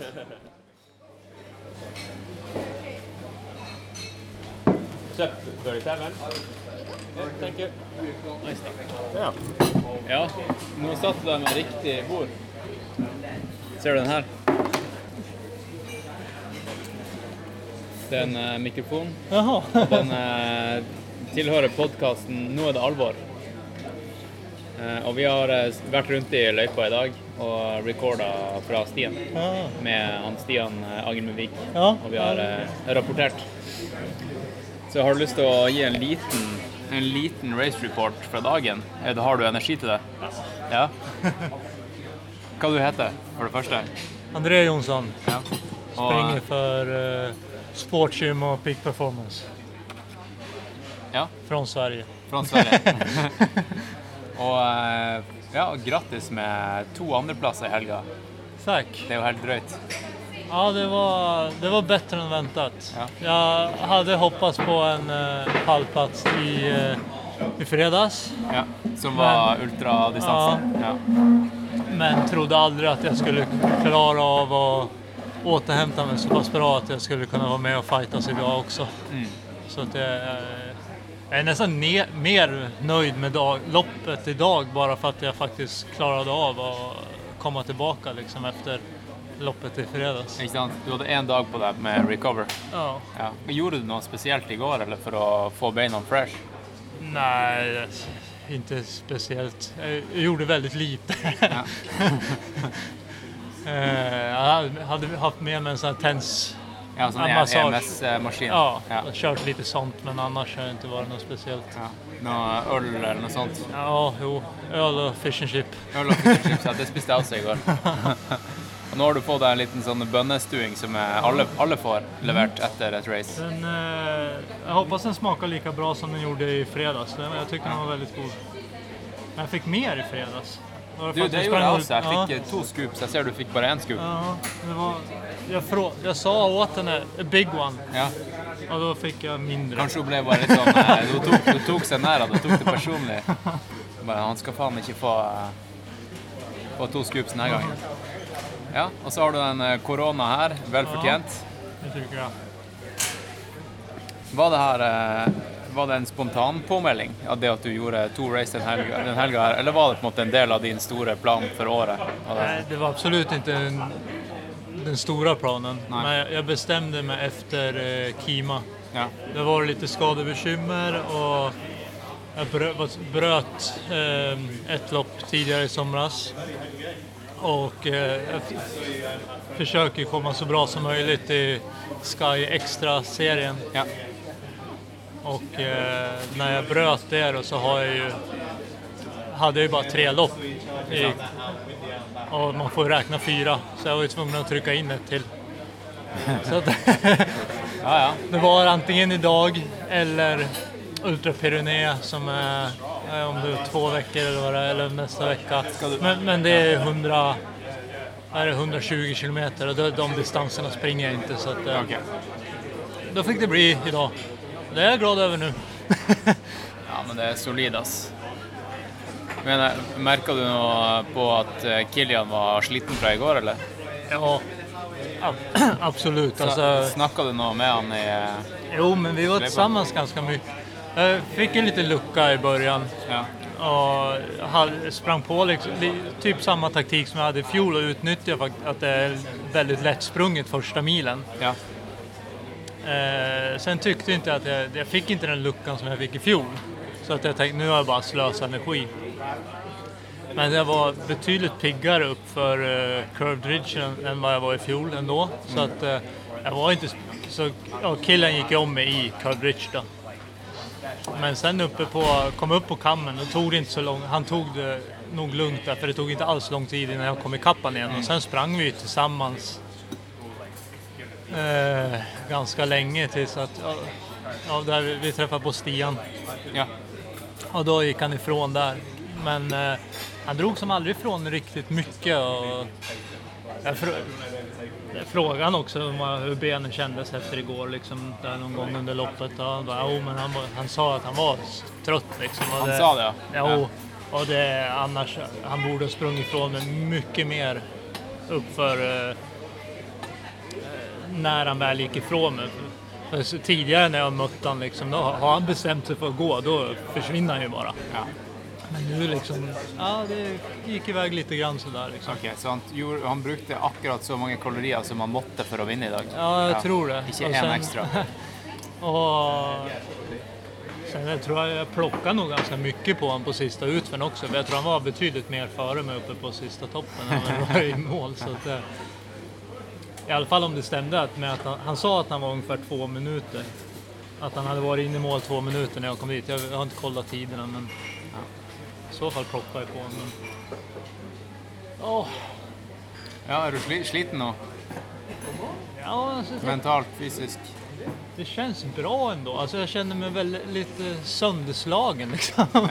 men, muskulärt. eh, ja, men huvudet är piggt och jag har, fått i mig bra med energi. Annars har jag brukat ha problem med att jag mår riktigt dåligt efter tävlingar liksom. För att jag inte fått i mig tillräckligt med energi. Men så sätt känns det bra nu. Och, och sen är det klart, det känns ju alltid bättre när man har sprungit bra också. Ja, ja, selvfølgelig. Ja. Men det er sånn det er med fighters også. Sant? De, eh, hvis du taper en fight og er, er liksom fått ansiktet ditt slått inn, så er jo det mye ondere enn hvis du hadde vunnet og fått ansiktet ditt slått inn. Så ja, den ser jeg. All right, hva du skal gjøre resten av dagen? Skal du dra tilbake til Sverige? Jag å- åker hem imorgon. du drar i morgen? Ja, så att det blir vel eh, øl og fish and chip. Ja. Sen drar vi, måste nog åka ganska tidigt imorgon bitti tror jag. Nei, vi, vi skal jo ta et uh, ganske tidlig fly fra Aberdeen. og Vi, vi tenker å kjøre herfra. sånn- Aberdeen? Ja. Det er jo på andre siden av landet. Da. Ja, ja. Hvor lang, hvor lang flytur er det, Kristoffer? Nei, hvor lang biltur er det til Aberdeen? Det er vel tre og en halv, fire timer å kjøre. Det er Aberdeen. Så vi må vel opp i firetida i, Ja. i morgen tidlig. Ja, men du skal få nyte din uh, bønne-chili con carne og korona, så um, lykke til videre resten av sesongen. Hva, er det mange race igjen? Er det ett, to? Ja, jag- skal ska göra en ultra i den Sky Extra-serien. Ja. Och sen ska jag även springa avslutningen i Limone. Men det, det kommer vara mer för att det är kul.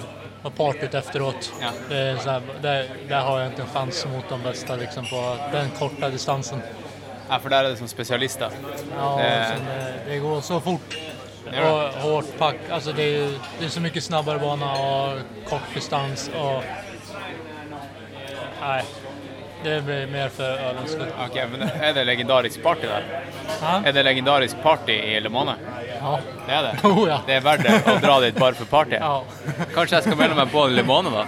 Er det, er du meldte deg på her om dagen. Er det fullt? Er det fullt? Det vet jeg ikke noe om. Jeg fikk ikke meldt meg på. Ja, ja. Man kan, kanskje skal se om det er ledige plasser.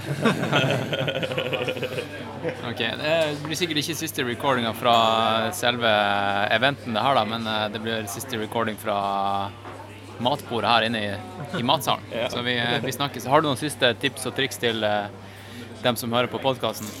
Sånn eh, et levesett du lever etter? Hårt hår, hårdare, hårdere. Ja. ja. Det høres bra ut. place today from Sweden in 340.33, Andre Jonsson.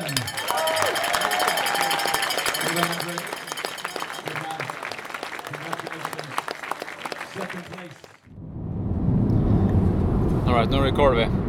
Ja. Eh, da, som alltid, så må vi gi litt kontekst.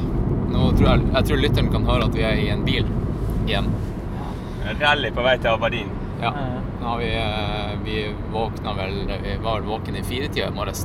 Ja, så var det cirka der. Ja, da hadde vi alarmen på, og da forsvant Kilian ut døren, og vi eh, for etter. Ja, jeg så akkurat uh, Kilian lukka døra akkurat da jeg gikk ut uh, av soverommet. Ja, Uh, så da Skulle han kjøre samme vei som oss, eller? ja, han, eh, ja, stemmer. Han skal fly fra Berdina nå. Ja. Så da har vi kjørt gjennom eh, mørke skoger og skikkelig sånne rally, rallyveier på venstre side av veien. Og det var bare én gang at eh, du, Stian, eh, holdt på å drepe oss og kjørte i høyrefila. Ja, da var det skulle vi påkjørsel på den der litt raskere veien. Så var jeg rett ut i høyrefilen og kjørte jeg en stund, og så kom det en imot. da var det, det var kanskje greit å svinge til venstre. Så derfor nå sitter Kristoffer bak rattet og har tatt over kontrollen. Ja. Og nå er sola stått opp. Klokka er ja, åtte. Og vi skal rekke et fly til, Ja. eh, til Norge. Ja. Og da tenkte jeg at vi kunne ta en eh, liten oppsummering av helga. For det har jo vært en heidundrende event i Kinloch-liven i Skottland. Hvem vil ta regien her? Hvem, hvem er det som eh, føler de kan oppsummere, Oppsummere greit. det hele?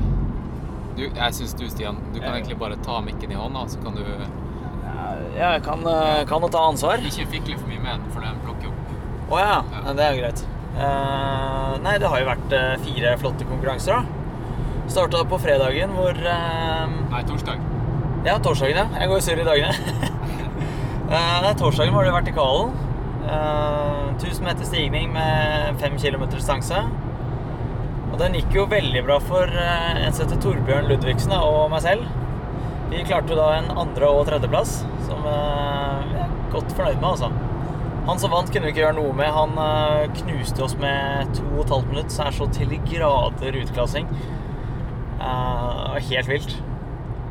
Eh, og det var eh, mildt sagt ruskevær. Det var eh, Vi snakket med hun eneste som har vært med. Hun hadde løpt eh, Skåla opp i år. Og der Skåla opp ble jo bare halvt løp. De løp bare halve opp til Skålavatnet fordi det var så sykt dårlig vær. Og hun sa at det var ingenting i forhold til været vi hadde på vertikalen. Så Oi. eh, da var det ganske heftig. Og lillesøsteren min var jo med og løp sin første sånn type fjelløp. Og hun hadde jo eh, tre ganger opplevd at hun bare Hun var aleine i fjellet. For det var enkeltstart på dette løpet, da. Hun var aleine i fjellet, så ingen merking, så ingen folk, så ingen. Eh, og det var jo skodde og regna sidelengs. Så hun bare satte seg ned og så bare Ja, hva nå? Tok på seg regnjakken og eh, eh, Ja, var ikke helt fornøyd. og så eh, skjedde Jeg tror det skjedde to ganger på vei og på én gang på vei ned også. For sånn, Vi må jo ned samme veien. Og så var hun da helt overlykkelig når hun kunne se da ned til Kino Kliven. Kom ned under skydekket og bare Ja, kommer til å overleve. Nei, så det var en, eh, var en bra dag. Og så var det dagen etterpå, da, på Da kom vi til fredagen, vet du. Ja. Eh, da var det jo eh, meldt skikkelig dårlig vær, men det endte jo faktisk med at det ble litt bedre vær. Men det var eh, Uansett så ble da ultraløypa ble jo eh, redusert ganske kraftig. De kjørte den alternative traseen som ble Jeg lurer på originalen var vel sånn 52-53 km med 3800 meter stigning eller noe, hvis jeg ikke husker helt feil. Ja, 4000. 4000, ja. Ja. ja. Og endte med da 47 km og 1700 meter stigning. Ja. Eh, som er på en måte litt sånn stusslig sammenligna, da. Men det var jo en eh, Det ble jo en spennende konkurranse, det også. Det var kanskje mest kupert i starten, var det ikke det, Hans? Jeg kan jo ta og snakke litt om den Ja. Jeg kan snakke litt om den, akkurat den løypa, hvordan det ble. Og siden, siden jeg sprang det racet. Og det endte jo opp med å bli bli en løype som starta med ett fjell som gikk rett opp og rett ned. Det var, var det off-trail også? Ja, det var off-trail Ja. eh, på vei ned. Ja. Og det var ganske heftig, faktisk, fordi eh, det, er, det er litt sånn spesielt terreng her i, i Skottland der, der eh, det er høyt gress, og så er det gjørme under gresset. Så uansett hvilke sko du har, så får du ikke ordentlig feste. Du bare en rutsjebane under, eh, under gresset uansett. Så det er egentlig bare en, en kamp om å, om å flyte opp på terrenget uten å, uten å tryne. Jeg gikk på snørra kanskje fem ganger, tenker jeg. Og det er jo egentlig bare flaks at det ikke var steiner.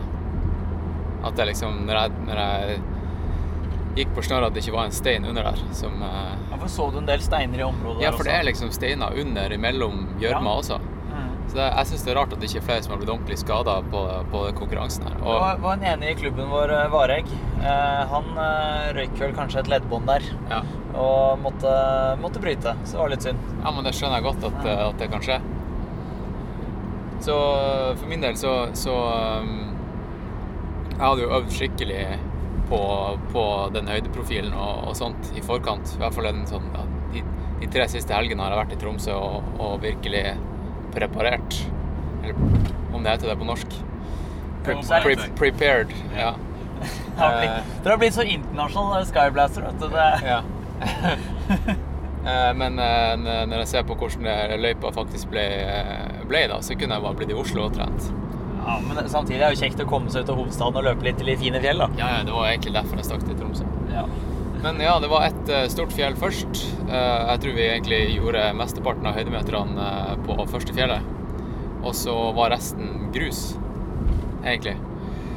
Og mye sånn slak Hvis folk kan prøve å relatere det til Oslo, f.eks., så er det mm, grusen, eller rødstien, i, i, i Oslomarka. Uh, ja. Så en, en vertikal kilometer først, og så et maraton etterpå.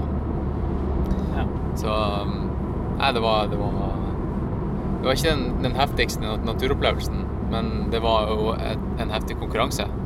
Der eh, han eh, John Alban vant, og um, André Jonsson på andre, som, eh, som vi snakka med i går.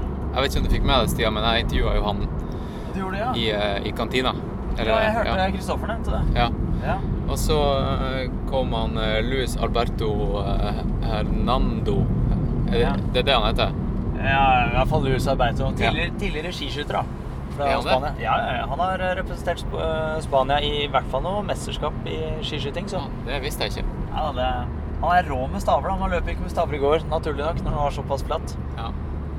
Men han vant jo Peñagolosa, eh, VM, Ultra Trail, Ja, i. Spania. Med staver. Med stave. og jeg sjøl kom på 14.-plass. Ja, vi, vi var jo, Kristoffer og jeg og flere andre fra Vareg og sånn, eh, var jo og så deg ved, ved matstasjonen, som var vel eh, litt over halvveis, i hvert fall godt over halvveis i tid. Ja. Eh, og Da så du ganske sprek ut. ja, jeg følte meg veldig fresh da. Og da, det som var artig, var liksom at Ja, da hadde jeg vært over det første fjellet og begynt å, å komme ned på flata. Og da lå jeg og, to andre på sånn 3.20-fart. Ja, det er jo og, greit. og jeg har ikke akkurat trent på å ligge på 3.20 i fire timer i strekk. Men eh, Så jeg tror magen min ikke var helt klar for det. Jeg er ikke helt vant til å ta den intensiteten eh, over lang tid, da. Mm. Så jeg, jeg tok ikke til meg nok eh, næring eller eh, eller noe sånt eh, underveis. Jeg drakk vel knapt en liter og fikk i meg to gels og noen sånne Cliff blocks. Ja, Passe på vekten, altså. Ja, ja.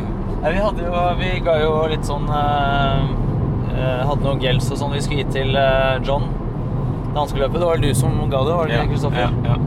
Da Det er jo litt sånn forskjellig hvor strenge de er på, på løp, men eh, på når og sånn man kan gi det.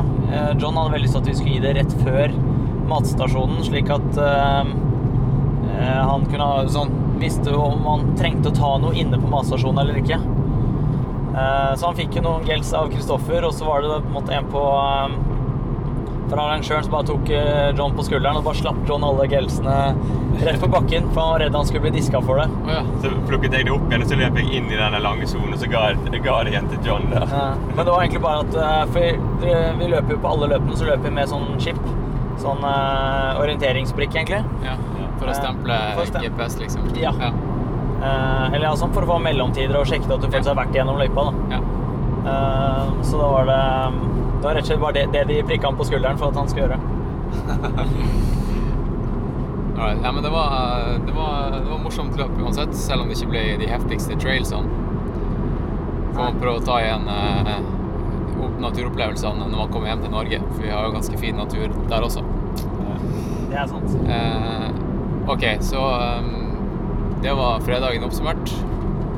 Titter du litt på kartet her, Stian. Er Ja, du, nei, er for sånn, er Det er jo litt sånn tiden av veien for at vi skal rekke alt sammen her. Og så må vi da finne bensinstasjonen, og den er i området her. Jeg bare ser at det er en rundkjøring på kartet, og det stemmer jo med Ja. Vi kjører av i rundkjøringen. Ja, da må vi ta til venstre i rundkjøringen, tror jeg. Ok. Ja. Jeg er ganske sikker. ja. Nei, det er egentlig ikke i det hele tatt. Nei, ok. Eh, For jeg tror det er en annen rundkjøring. Ja, vi skal ikke ta denne rundkjøringen. Bare fortsette rett fram? Ja, Ja, greit. det er eh, Ja, litt Ja, rundkjøringen der borte Okay. Ja. på kartet. ja. Oi. nå er det litt, nå er det litt rushtid her og litt kø. Litt eh, dramatikk her i podkasten. Ja, ja, ja. Det Nå skal skottene på jobb til destilleriet. distilleriet. Det er vel bare det de jobber med her. Ja, nå, vi har jo passert en haug av destillerier på vei nå. Mm. Så de er gode på det. Nei, men eh, veiene blir bare breiere og breiere jo nærmere vi kommer Aberdeen. Ja. Det er sikkert flere folk som skal inn på vei nå, men Så Nei, vi kom forbi rundkjøringen her, så tror jeg det er ganske greit. Og så var det lørdagen, da. Ja, da, var det Skyrace. Ring of Steel. Ring of Steel. Og den eh, sprang jo dere begge. Ja. Nei, jeg sprang ikke så langt, da. Men vi starta begge, da. Ja, stilte, startet. stilte til start. ja. Ja, ja. Begge i elitefeltet. Det syns jeg var gøy. at vi fikk. ja, det, det skjønte jeg ingenting av. Sto der på vei inn der, så plutselig kom igjen disse her eh, Disse her um, vaktene. vaktene bort til meg og sa «Hei, du kan gå inn her. Du er i Du så så pro ut. ja, ja. Ja. Nei, Jeg tror det var sånne merker på startnummeret. Vet ikke hvordan jeg har fått det, men det var jo veldig kjekt. Da startet jeg langt foran. Så det, ja, det var jo Skulle jo bare vært eh, pigg og rask, så kunne jeg hadde jeg fått et bra utgangspunkt for den starten der. Ja, sant. Ja, dessverre har du ikke vært helt i slaget den siste halvannen uka. Ja, ja. Ja. Eller uken. er det kanskje. Ja. Litt tett i naien og Ja, men nå, det er fint igjen, men nå sitter det litt i brystet. Jeg Så jeg skjønner. får ikke ja. Men det var på en måte en ny mulighet da om en måneds tid når vi skal løpe i Limone da, Ja. i Italia. ja, krysser vi fingrene for at alt er bra igjen. Ja, sant. Men tilbake til dette løpet, da. Ja. Eller Skyracet, så var det jo eh, grei fart i starten, altså. Og så er det jo han eh, Remi som vant eh, den vertikale kilometeren to dager før. Han eh, tok jo starten og holdt et greit bra åpningstempo. Eh, og det gikk jo såpass fort at eh, jeg måtte slippe. I hvert fall for med tanke på at jeg skulle klare å fullføre løpet. Og så Da var de fire stykker foran, mener jeg. Etter bare si 20 minutters løping. Så lå jeg da som nummer fem, da, litt baki, baki der. Eh, så når vi kom opp på ryggen, så var det jo opp, Ryggen er jo ikke flat, det går jo opp og ned hele veien. Og der eh, eh, løp vel Kilian og eh, Nadir, eh, sånn kar italiener.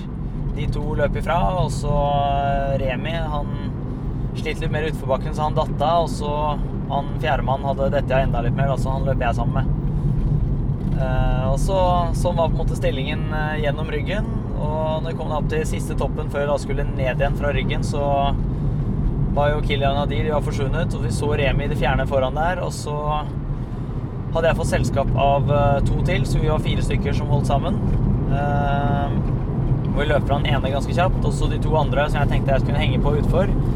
De gadd jo ikke vente for meg, så de løp jo bare dundra av gårde nedover. Og så kom det en polakk eh, susende også, som tok noen saltoer på vei ned. som var ganske sprekt. Men eh, ja, så gikk jo greit egentlig nedover. Følte jeg fikk litt mer taket på det jo lenger ned vi kom i bakken. Jo mer gjørme det ble, faktisk. Eh, Ja, for det du vant til fra Bergen. Nei, faktisk ikke i det hele tatt. Vi har jo ikke så mye gjørme i Bergen. Det er, vi løper Ah. mye på stein. Så Ja. Når jeg kom ned på matstasjonen der sånn cirka halvveis i tid, eller nærmest halvveis tid, så var jeg vel på en eh, femte-sjetteplass eller noe, tror jeg.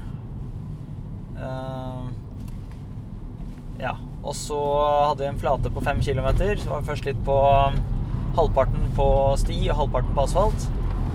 Uh, og så uh, tok, eh, var vi vel cirka samla sånn eh, at fra tredje til sjette, sjuendeplass lå vel sånn cirka samla. Skulle begynne på bakken, og så fikk jeg dratt ifra der, heldigvis.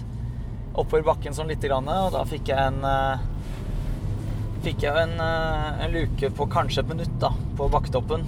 Eh, og de to i front de var jo forsvunnet, så vi så jo ikke noe mer til. Og så brant det til, da, det jeg hadde over, over ryggen, som var ganske greit mye opp og ned. Men da jeg kom liksom på den siste toppen, så så jeg at jeg hadde vel kanskje to minutter luke eller noe. Men jeg var jo ikke trygg i det hele tatt, for de andre er jo ganske mye bedre enn meg. De, de som var bak meg, var ganske mye bedre enn meg utfor. Så da gjaldt det bare å ikke tenke, bare dundre til utforbakken og håpe på det beste. Og det gikk jo heldigvis bra, da. Mm. Så da kunne jeg løpe inn til en uh, tredjeplass jeg var veldig fornøyd med. Så Nice, da. ja, det var knallgøy. Så du har, nå har du sanka millioner denne hel- helga her. Millioner, ja. Blitt millionær. Nei, du er ikke rik av dette her. Det er Nei. kanskje bra ting, det. Ja, det er kanskje det. Ja. Uh, ja, og så var det Hvordan ligger vi an med Skulle vi inn her og fylle nå? ja, jeg tror nesten bare ta en kjapp fyllings her. Ja. Det går, eh, skal gå lynkjapt. Vi sitter i en eh, leiebil, og den må fylles opp før vi Ja. leverer den tilbake. Mm. Ja. Men på tiden så er vi, vi er ikke så gærent, altså. Nei, Det går bra. Ja, okay. Ja, det ordner seg, det her. Ja, ja. Nå er det da Skal sikkert kjøre 100 meter inn til venstre her. nå. Ja. En BP bensinstasjon. Ja. BP. De har jo litt sånn eh, kjipt stigma. Med en gang, vet du. Ja, ja. Var det ikke dem som eh, sto for det svære oljeutslippet i eh, Mexicogolfen? Det er derfor vi støtter dem nå. Ja. Se, nå har vi eh, bensinlokket på venstre side. ja, det er det. Bare kjører vi Bare ta en U-sving her. Ja, da tar jeg på pause her mens de er ute og fyller og betaler. Nå kan jeg rapportere om at eh, han Kristoffer sprang ut. Det her er jo ordentlig Formel Dette her, er- 1-pitstop. Nå mangler egentlig bare de som står og styrer med å skifte hjul og sånne ting. Da, for det var litt lite luft i dekket. Så det, så. Skal jeg hjelpe med noe, eller? Nei da. Ja, så da Da tar jeg på pause nå, og så tror at de klarer å fylle riktig bensin og betale for seg. Så kommer vi tilbake, og så oppsummerer vi resten av helga. Ja, Gikk det bra å fylle, Kristoffer? Ja, ja, ja. Men det er ikke store tanker på den bilen. her. Hva er det slags bil vi sitter i? Jeg er ikke en bilkis. Nei, det er, en bitte liten Kia. Bitte liten Kia, ja. Det er en sånn rallybil på de veiene her borte, så det er jo veldig gøy å kjøre. Jeg vil Oi sann, det var litt sånn groggy morgenstemme. Jeg vil eh, benytte anledninga til å gi en liten shout-out til em, en Instagram-følger av Nå er det alvor. Det her fortalte jeg vet ikke om jeg fortalte deg det. Nei. Jeg fortalte han Stian det. Kanskje han eh, kommer inn i samtalen mens jeg holder på å gi en shout-out. Men det, det var ei som heter Zoe Saurb. Jeg vet ikke hennes fulle navn. Uh, jo, Zoe Ja, jeg skal ikke si hele navnet, for det kan eh, gå inn på litt sånn GDPR-greier. Yeah. Uh, hun Perfekt. Dette klarer vi. Nydelig. du. Ja, Stian, jeg driver og gir en shout-out til hun der som jeg snakka om på Instagram, som hadde gått opp Tromsdalstind. Ja, ja, Eh, på grunn av eh, din eh, Ja, nei, hun, hun, eh, hun skrev at hun hadde hørt på Nå er det alvor hele veien opp til Tromsdalstind. Ja, sånn gjør det. Eh, og hun skrev at det skulle bare fire år til jeg kom meg opp på Tromsøs flotte lille hatt igjen. Så eh, det er jo dritfett å, å høre at eh, kanskje den podkasten her har inspirert Det er stilig. et menneske til å komme seg opp på Tromsdalstinden. Det er gøy. Det er dritfett. Men nå går det fint med tiden, altså. Ja, ja. Nå har vi steinkontroll på tida. Ja, sånn, vi er der nå, Ifølge klokken her så er vi der halv, men det blir sikkert eh, si fem-ti over halv. da. Ja. Men eh, da tenker jeg det er ganske greit med tid. Og så, men skal vi fortsette, da? ja, vi fortsetter der vi slapp. Og, og hvor, hvor da vi slapp? Vi slapp på slutten av eh, Ring of Steel. Ja, vi var på en måte ferdig med den, egentlig. Vi var ferdig med Ring of Steel, og da er vi over på søndagen. Ja. Uh, skal jeg holde? Ja. Ja.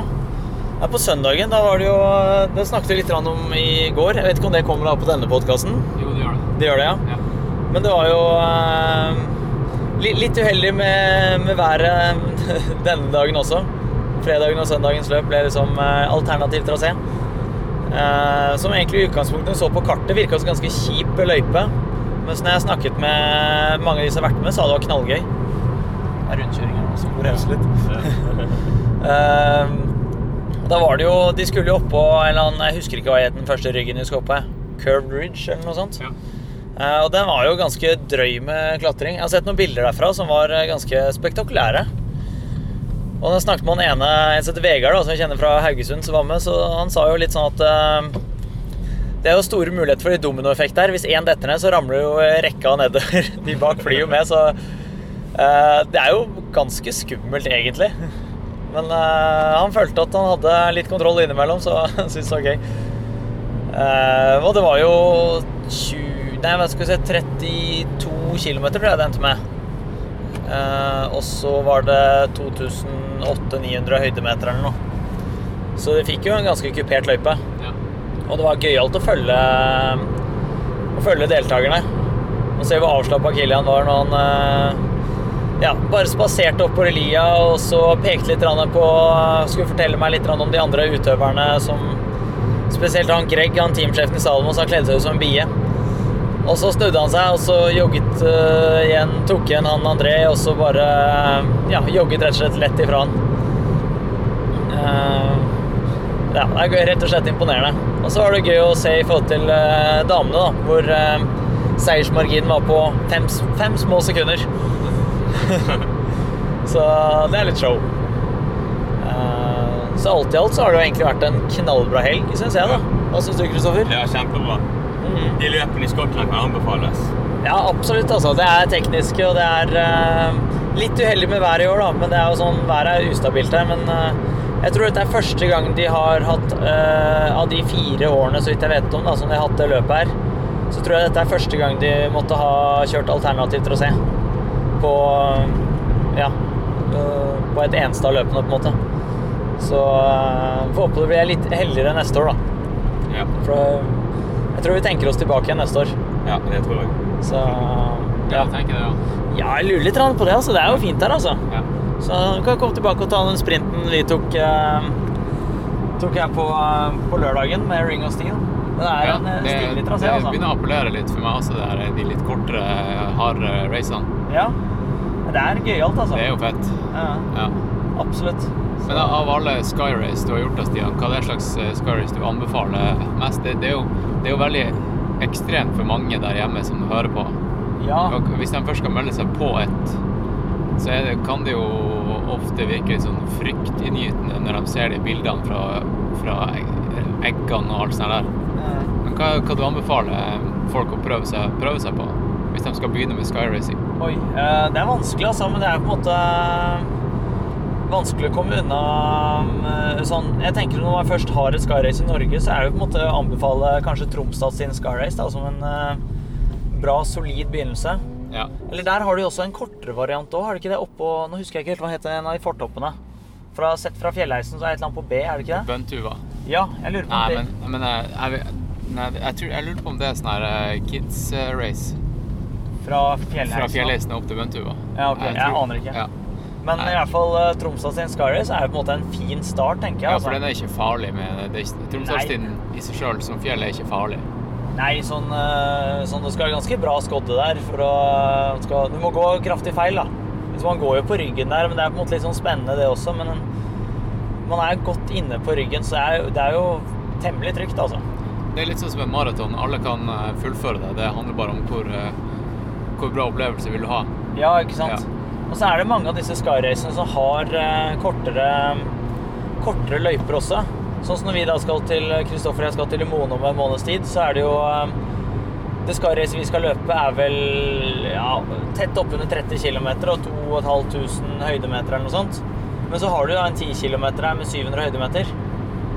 Ja, det er Eh, ganske brutalt, det også. det er ganske brutalt, det også, men samtidig det er på en måte kanskje mer overlevbart. da. Ja. Mer overkommelig, er vel ordet, for, eh, for en del andre. Mm.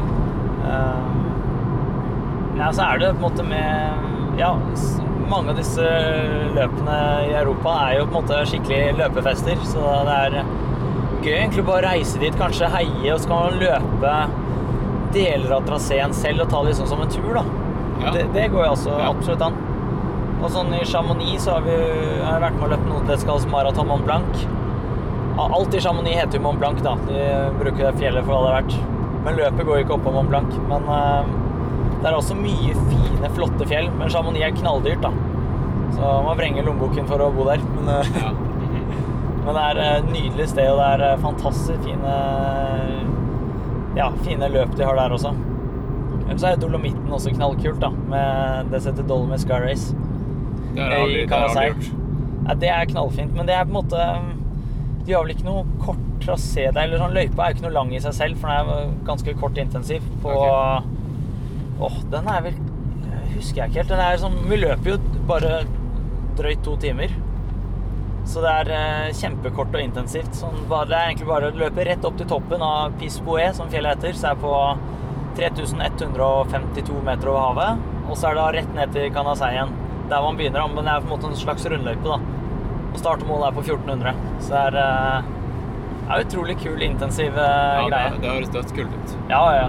Og det er eh, noen vi kjenner fra Vareg. De har jo nå tre-fire somre på rad hatt uh, oppi en måned nede i området der hvor de bare har vært med på masse småløp hele tiden. Og er, uh, de syns det er så gøy. Og da er det sånn Ja, alt, all mulig rare distanser. Fra maraton til ti uh, kilometer. Eh, opp og ned og bortover og alt. Ja. Så det er eh, Og det, løpene trenger nødvendigvis ikke være de mest spektakulære sånn, De største for at det skal være gøy. Det er ofte de små, veldig uformelle løpene kanskje kan være de kjekkeste, altså.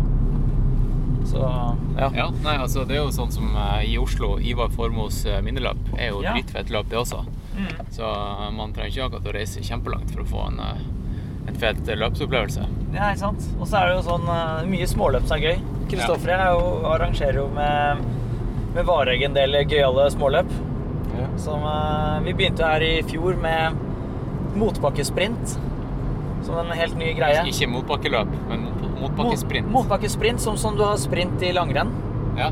Eh, Så det er med prolog og heat og full pakke. Så, så løypen er vel 200 meter. Ja. Eh, Først løper du vel en halv runde eller noe sånt på en fotballbane. Den fotballbanen skal jo sies at det er kanskje mer en sånn femmerbane, eller sånn ganske Ja. liten. En løper en halv runde det bare for å strekke ut feltet litt. Og så er det rett opp en eh, bratt bakke. Så totalt er løypen 200 meter. da, Og så er det vel 30 meter høydeforskjell, tror jeg. Ja, jeg tror i hvert fall sånn de raskeste tidene er ned mot 40 sekunder. Ja, ja, Tror jeg de aller raskeste løper mot. ja.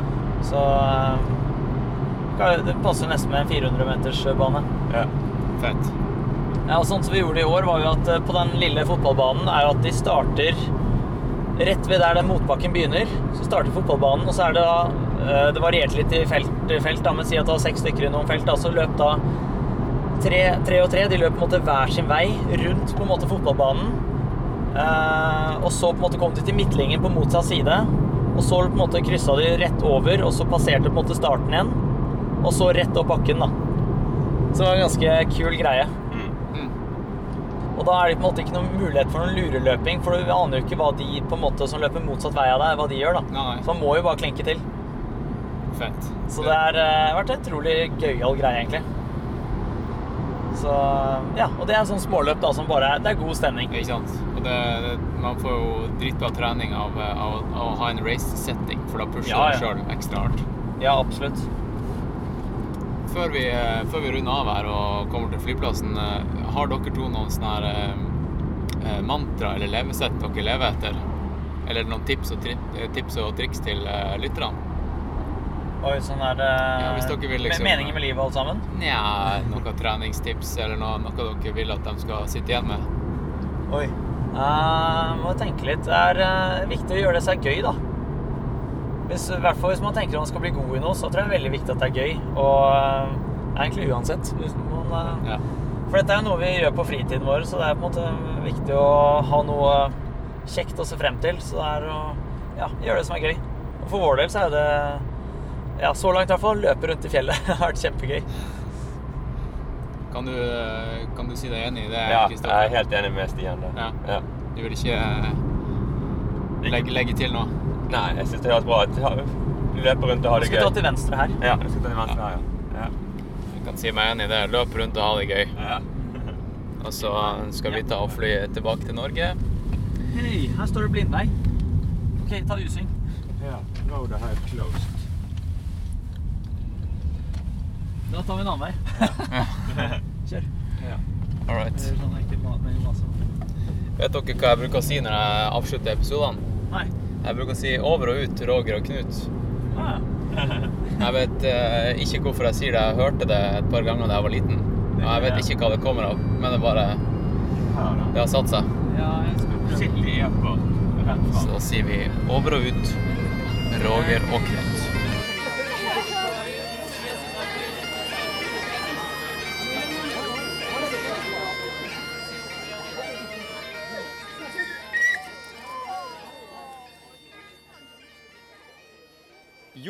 Det jeg skulle si var at um, på, på Patrion så får du også se et bildealbum som jeg har laga fra Skottland.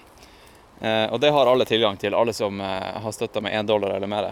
Uh, og da går vi ganske Det er ganske mye nice eh, behind the scenes-bilder av med Kilian og, og han Kristoffer og han Stian og masse nice fra, fra løypa. Og han her, han her eh, UTMB som var ute og sprang. Eh, og så vil også ta si på, på, på flyet på vei hjem fra Skottland, så så satt jeg ved siden av ei, eh, ei dame.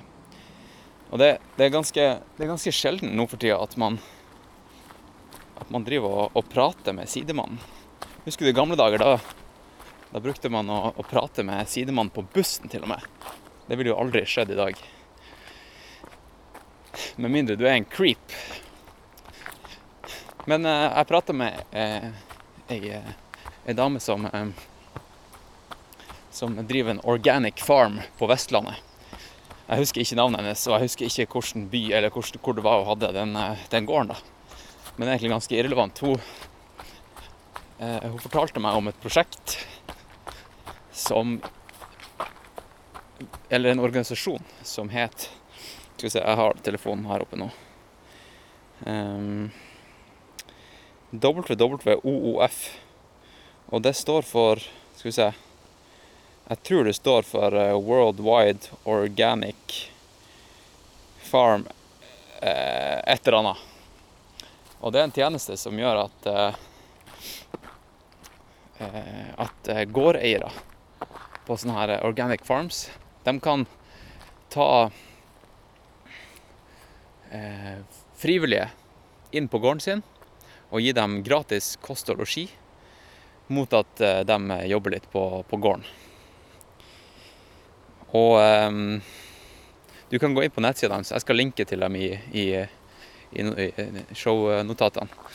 Du kan gå inn på nettsida, og så kan du bare se hvordan gårder i verden som har signa seg opp på det her. Så kan du lage deg en profil, og så kan du signe deg opp på at og si jeg vil jobbe på denne gården her. Eh, og så kan de se at du har sagt ifra. Og så kan de gå inn og se på deg og se om du er en bra kandidat. Og det her, hvis du er stiløper og kanskje litt ung, du trenger egentlig ikke være ung, men kanskje du er litt uavhengig, sånn som meg, ikke sant? Eh, ingen strings attached, ingen kids, ingen, eh, ingen samboer, ingen eh, hus eller Volvo eller hund. Hvis du kan gjøre hva du vil, så er jo egentlig altså du, Hvorfor ikke bare gjøre det? Hvorfor ikke bare stikke til en gård i Nepal eller Peru et eller annet sted på ca. 2400 meters høyde, som er det ideelle for høydetrening. Og så gjør du det i ett år.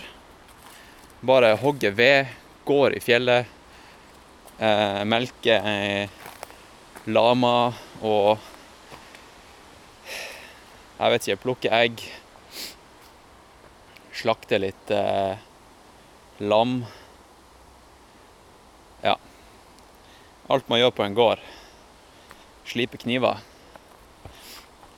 Så, eh, så tenker jeg det må gjøre deg til en super robust ultraløper. Høydetrening, og du får eh, jobba på en gård og masse erfaring. Så jeg, det, det tenkte jeg litt på. Kanskje jeg skulle faktisk ta og gjøre det nå til vinteren. Ta et par måneder i et varmere strøk, jobbe på en gård. Få litt mindre mileage og litt mindre kvalitet på løpinga, men eh, få litt høydetre høydetrening og rett og slett eh, komme meg bort ifra den her drittsnøen. Og nye erfaringer. Og så tenkte jeg kanskje at jeg kunne ta med meg mikken og lage en heidundrende podkastserie på det her. Så hvis du syns det hørtes ut som en fet idé at jeg gjør det, så vil jeg at du skal sende meg en melding, og så eh, kanskje vi kan eh, spare litt. Jeg vil gjerne prate litt med deg, lytter. Det er alltid artig når lyttere tar kontakt. Eh, og så var det en som Jeg drev og fortalte om om Melbu kaviar og, og litt sånt, og så var det en som sa sånn her Faen, så rart egentlig at hvem var det som kom på den smakskomboen med kaviar og egg? Og hvordan har det blitt liksom normen? Hvem som valgte å ta egg fra, fra høna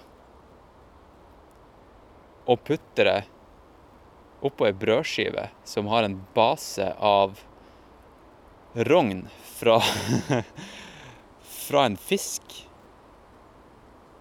Er ikke det helt sjukt, egentlig? Og det syns jeg er ganske artig. Jeg husker jeg så en, eh, en liten dokumentar om en kar som lagde et eh, Jeg tror han var, var informatikkstudent eh, og tok en ph.d. Og det han, det han gjorde, var å For han var også matinteressert. Han tok alle sånne her smaker som fantes ute i verden, og så lot han en datamaskin og big data og masse datacrunching sette sammen de mest interessante og beste smakene der ute. Eh, og det kule med det er jo at en datamaskin driter jo i tradisjon og matkultur. Hvis en datamaskin finner ut at eh, dijon-sennep og eh, jeg vet ikke, jordbær er en kjempebra kombo, så, eh, så sier han ifra. Og det her er jo egentlig ja, Jeg vet ikke helt hvor jeg ville med det her, men eh, det er ganske interessant å tenke på. Tenk litt på det neste gang du har kaviar og egg på brødskiva. Det er en sjuk kombo. Så eh, det liker jeg å tenke litt på når jeg lager mat. Er liksom eh, prøve å komme meg bort fra, fra norm. F.eks. her om dagen så spiste jeg eh, en salat med oliven og og hva det var, sursild og ruccola, sennep og sånn her etiopisk injera-brød med olivenolje og salt og pepper og litt eh, eh, hot sauce. Eh, det var kjempegodt og anbefales. eh, men det var ikke fordi at jeg tenkte det her kommer til å bli en bra matrett. Jeg tenkte rett og slett bare nå skal jeg spise det jeg har i kjøleskapet, og det funka. Og det er jo sånn man egentlig kan gjøre når man er alene. Jeg ville aldri servert det til eh, hvis jeg hadde gjester eller noe sånt. OK. Da tror jeg faktisk at um, at jeg skal ta Det kan jeg si til deg, lytter. Jeg gjorde jo ikke som jeg sa i introen. Jeg har jo ikke vært ute og løpt. Jeg, denne utroen recorda jeg jo rett etter at jeg recorda introen. Så nå er jeg fortsatt på ja, med, med Grefsenkleiv, og jeg skal ta og springe meg en tur nå. Eh, det er jo perfekt, perfekt løpevær. Så eh, ja, da, så fett at du hørte på. Jeg håper du eh, tar og Sjekk ut eh, eh, Instagrammen til Noe det alvor. Det er ikke masse poster der nå, men eh, det er jo fett om du følger podkasten der. Og så finner du også podkasten på, på Facebook. Og så finner du meg på Instagram at Hanserino. Ehm, og så finner du han Stian Angermund Vik på Instagram at Stian Angermund. Og André Jonsson, han heter André8503. Og han Kristoffer er på at K Follesdal. Ja, det glemte jeg å si. Um, skal vi se. Jeg har jo vært uh, Jeg har snakka veldig mye om menn her, i, altså fra, fra den eventen her. Jeg skal ta og være eh, super Eller jeg skal, jeg skal kompensere her med å lese opp alle resultatene fra, fra helga, og få med damen også. Og det er ikke meninga å ekskludere damen, det var bare det at jeg var eh, tilfeldigvis med han eh, Stian, og eh, det var mye mannefokus. Så eh, neste gang blir det, blir det dame. Eh, skal vi se. I den her vertikale vertikal World Championships så vant han Remi Bonett. Torbjørn kom på andre. Torbjørn Ludvigsen fra Bergen, og um, som vi nevnte i podkasten. Eh, Stian Agermund Vik på tredje. På eh, kvinnesida så var det hun Lara Org, ja, hun, Org fra Spania som vant. Lina L. Cottelander på andre, og Hilary Gerardi på tredje. Og på Sky World Championships så er det han um, Så vant han eh, Kilian. Um, og Nadir Maget kom på andre, og Stian Agermevik Vik kom på tredje. Dette var den her Ring of Steel da, som, som var på, på lørdagen. Og på kvinnesida så var det Tova Aleksandersson, orienteringsløperen fra Sverige, som, som vant. Eh, Victoria Wilkinson på andre, Holly Page på tredje. Og um, på Ultra Championships, det løpet som jeg sprang, så var det han Jonathan Alban som vant. André Jonsson kom på andre, og Luis Alberto Hernando på tredje. Og på kvinnesida så var det hun Ragna de Batz eh, som vant. Og eh, Gemma Arenas Alcazar fra Spania kom på andre. Maria Mercedes Pila kom på tredje. Eh, og totalt sett da, så var det Så er det Combine the World Championships. Jeg er ikke helt sikker på hva det betyr, men la oss bare lese det opp. Remi Bonett kom på første, Stian Agnervik andre, og Jan Margarit på tredje. Eh, på kvinnesida er det Lara Org på første, Lina LK Lander på andre og eh, Elise Chabey på tredje. Og da ser jeg her at eh, skal vi se Country ranking totalt sett, da, så er Norge nå på sjetteplass, tror jeg. Dritfett. Og på medal count så er vi på én, to, tre, fire, fem, sjette.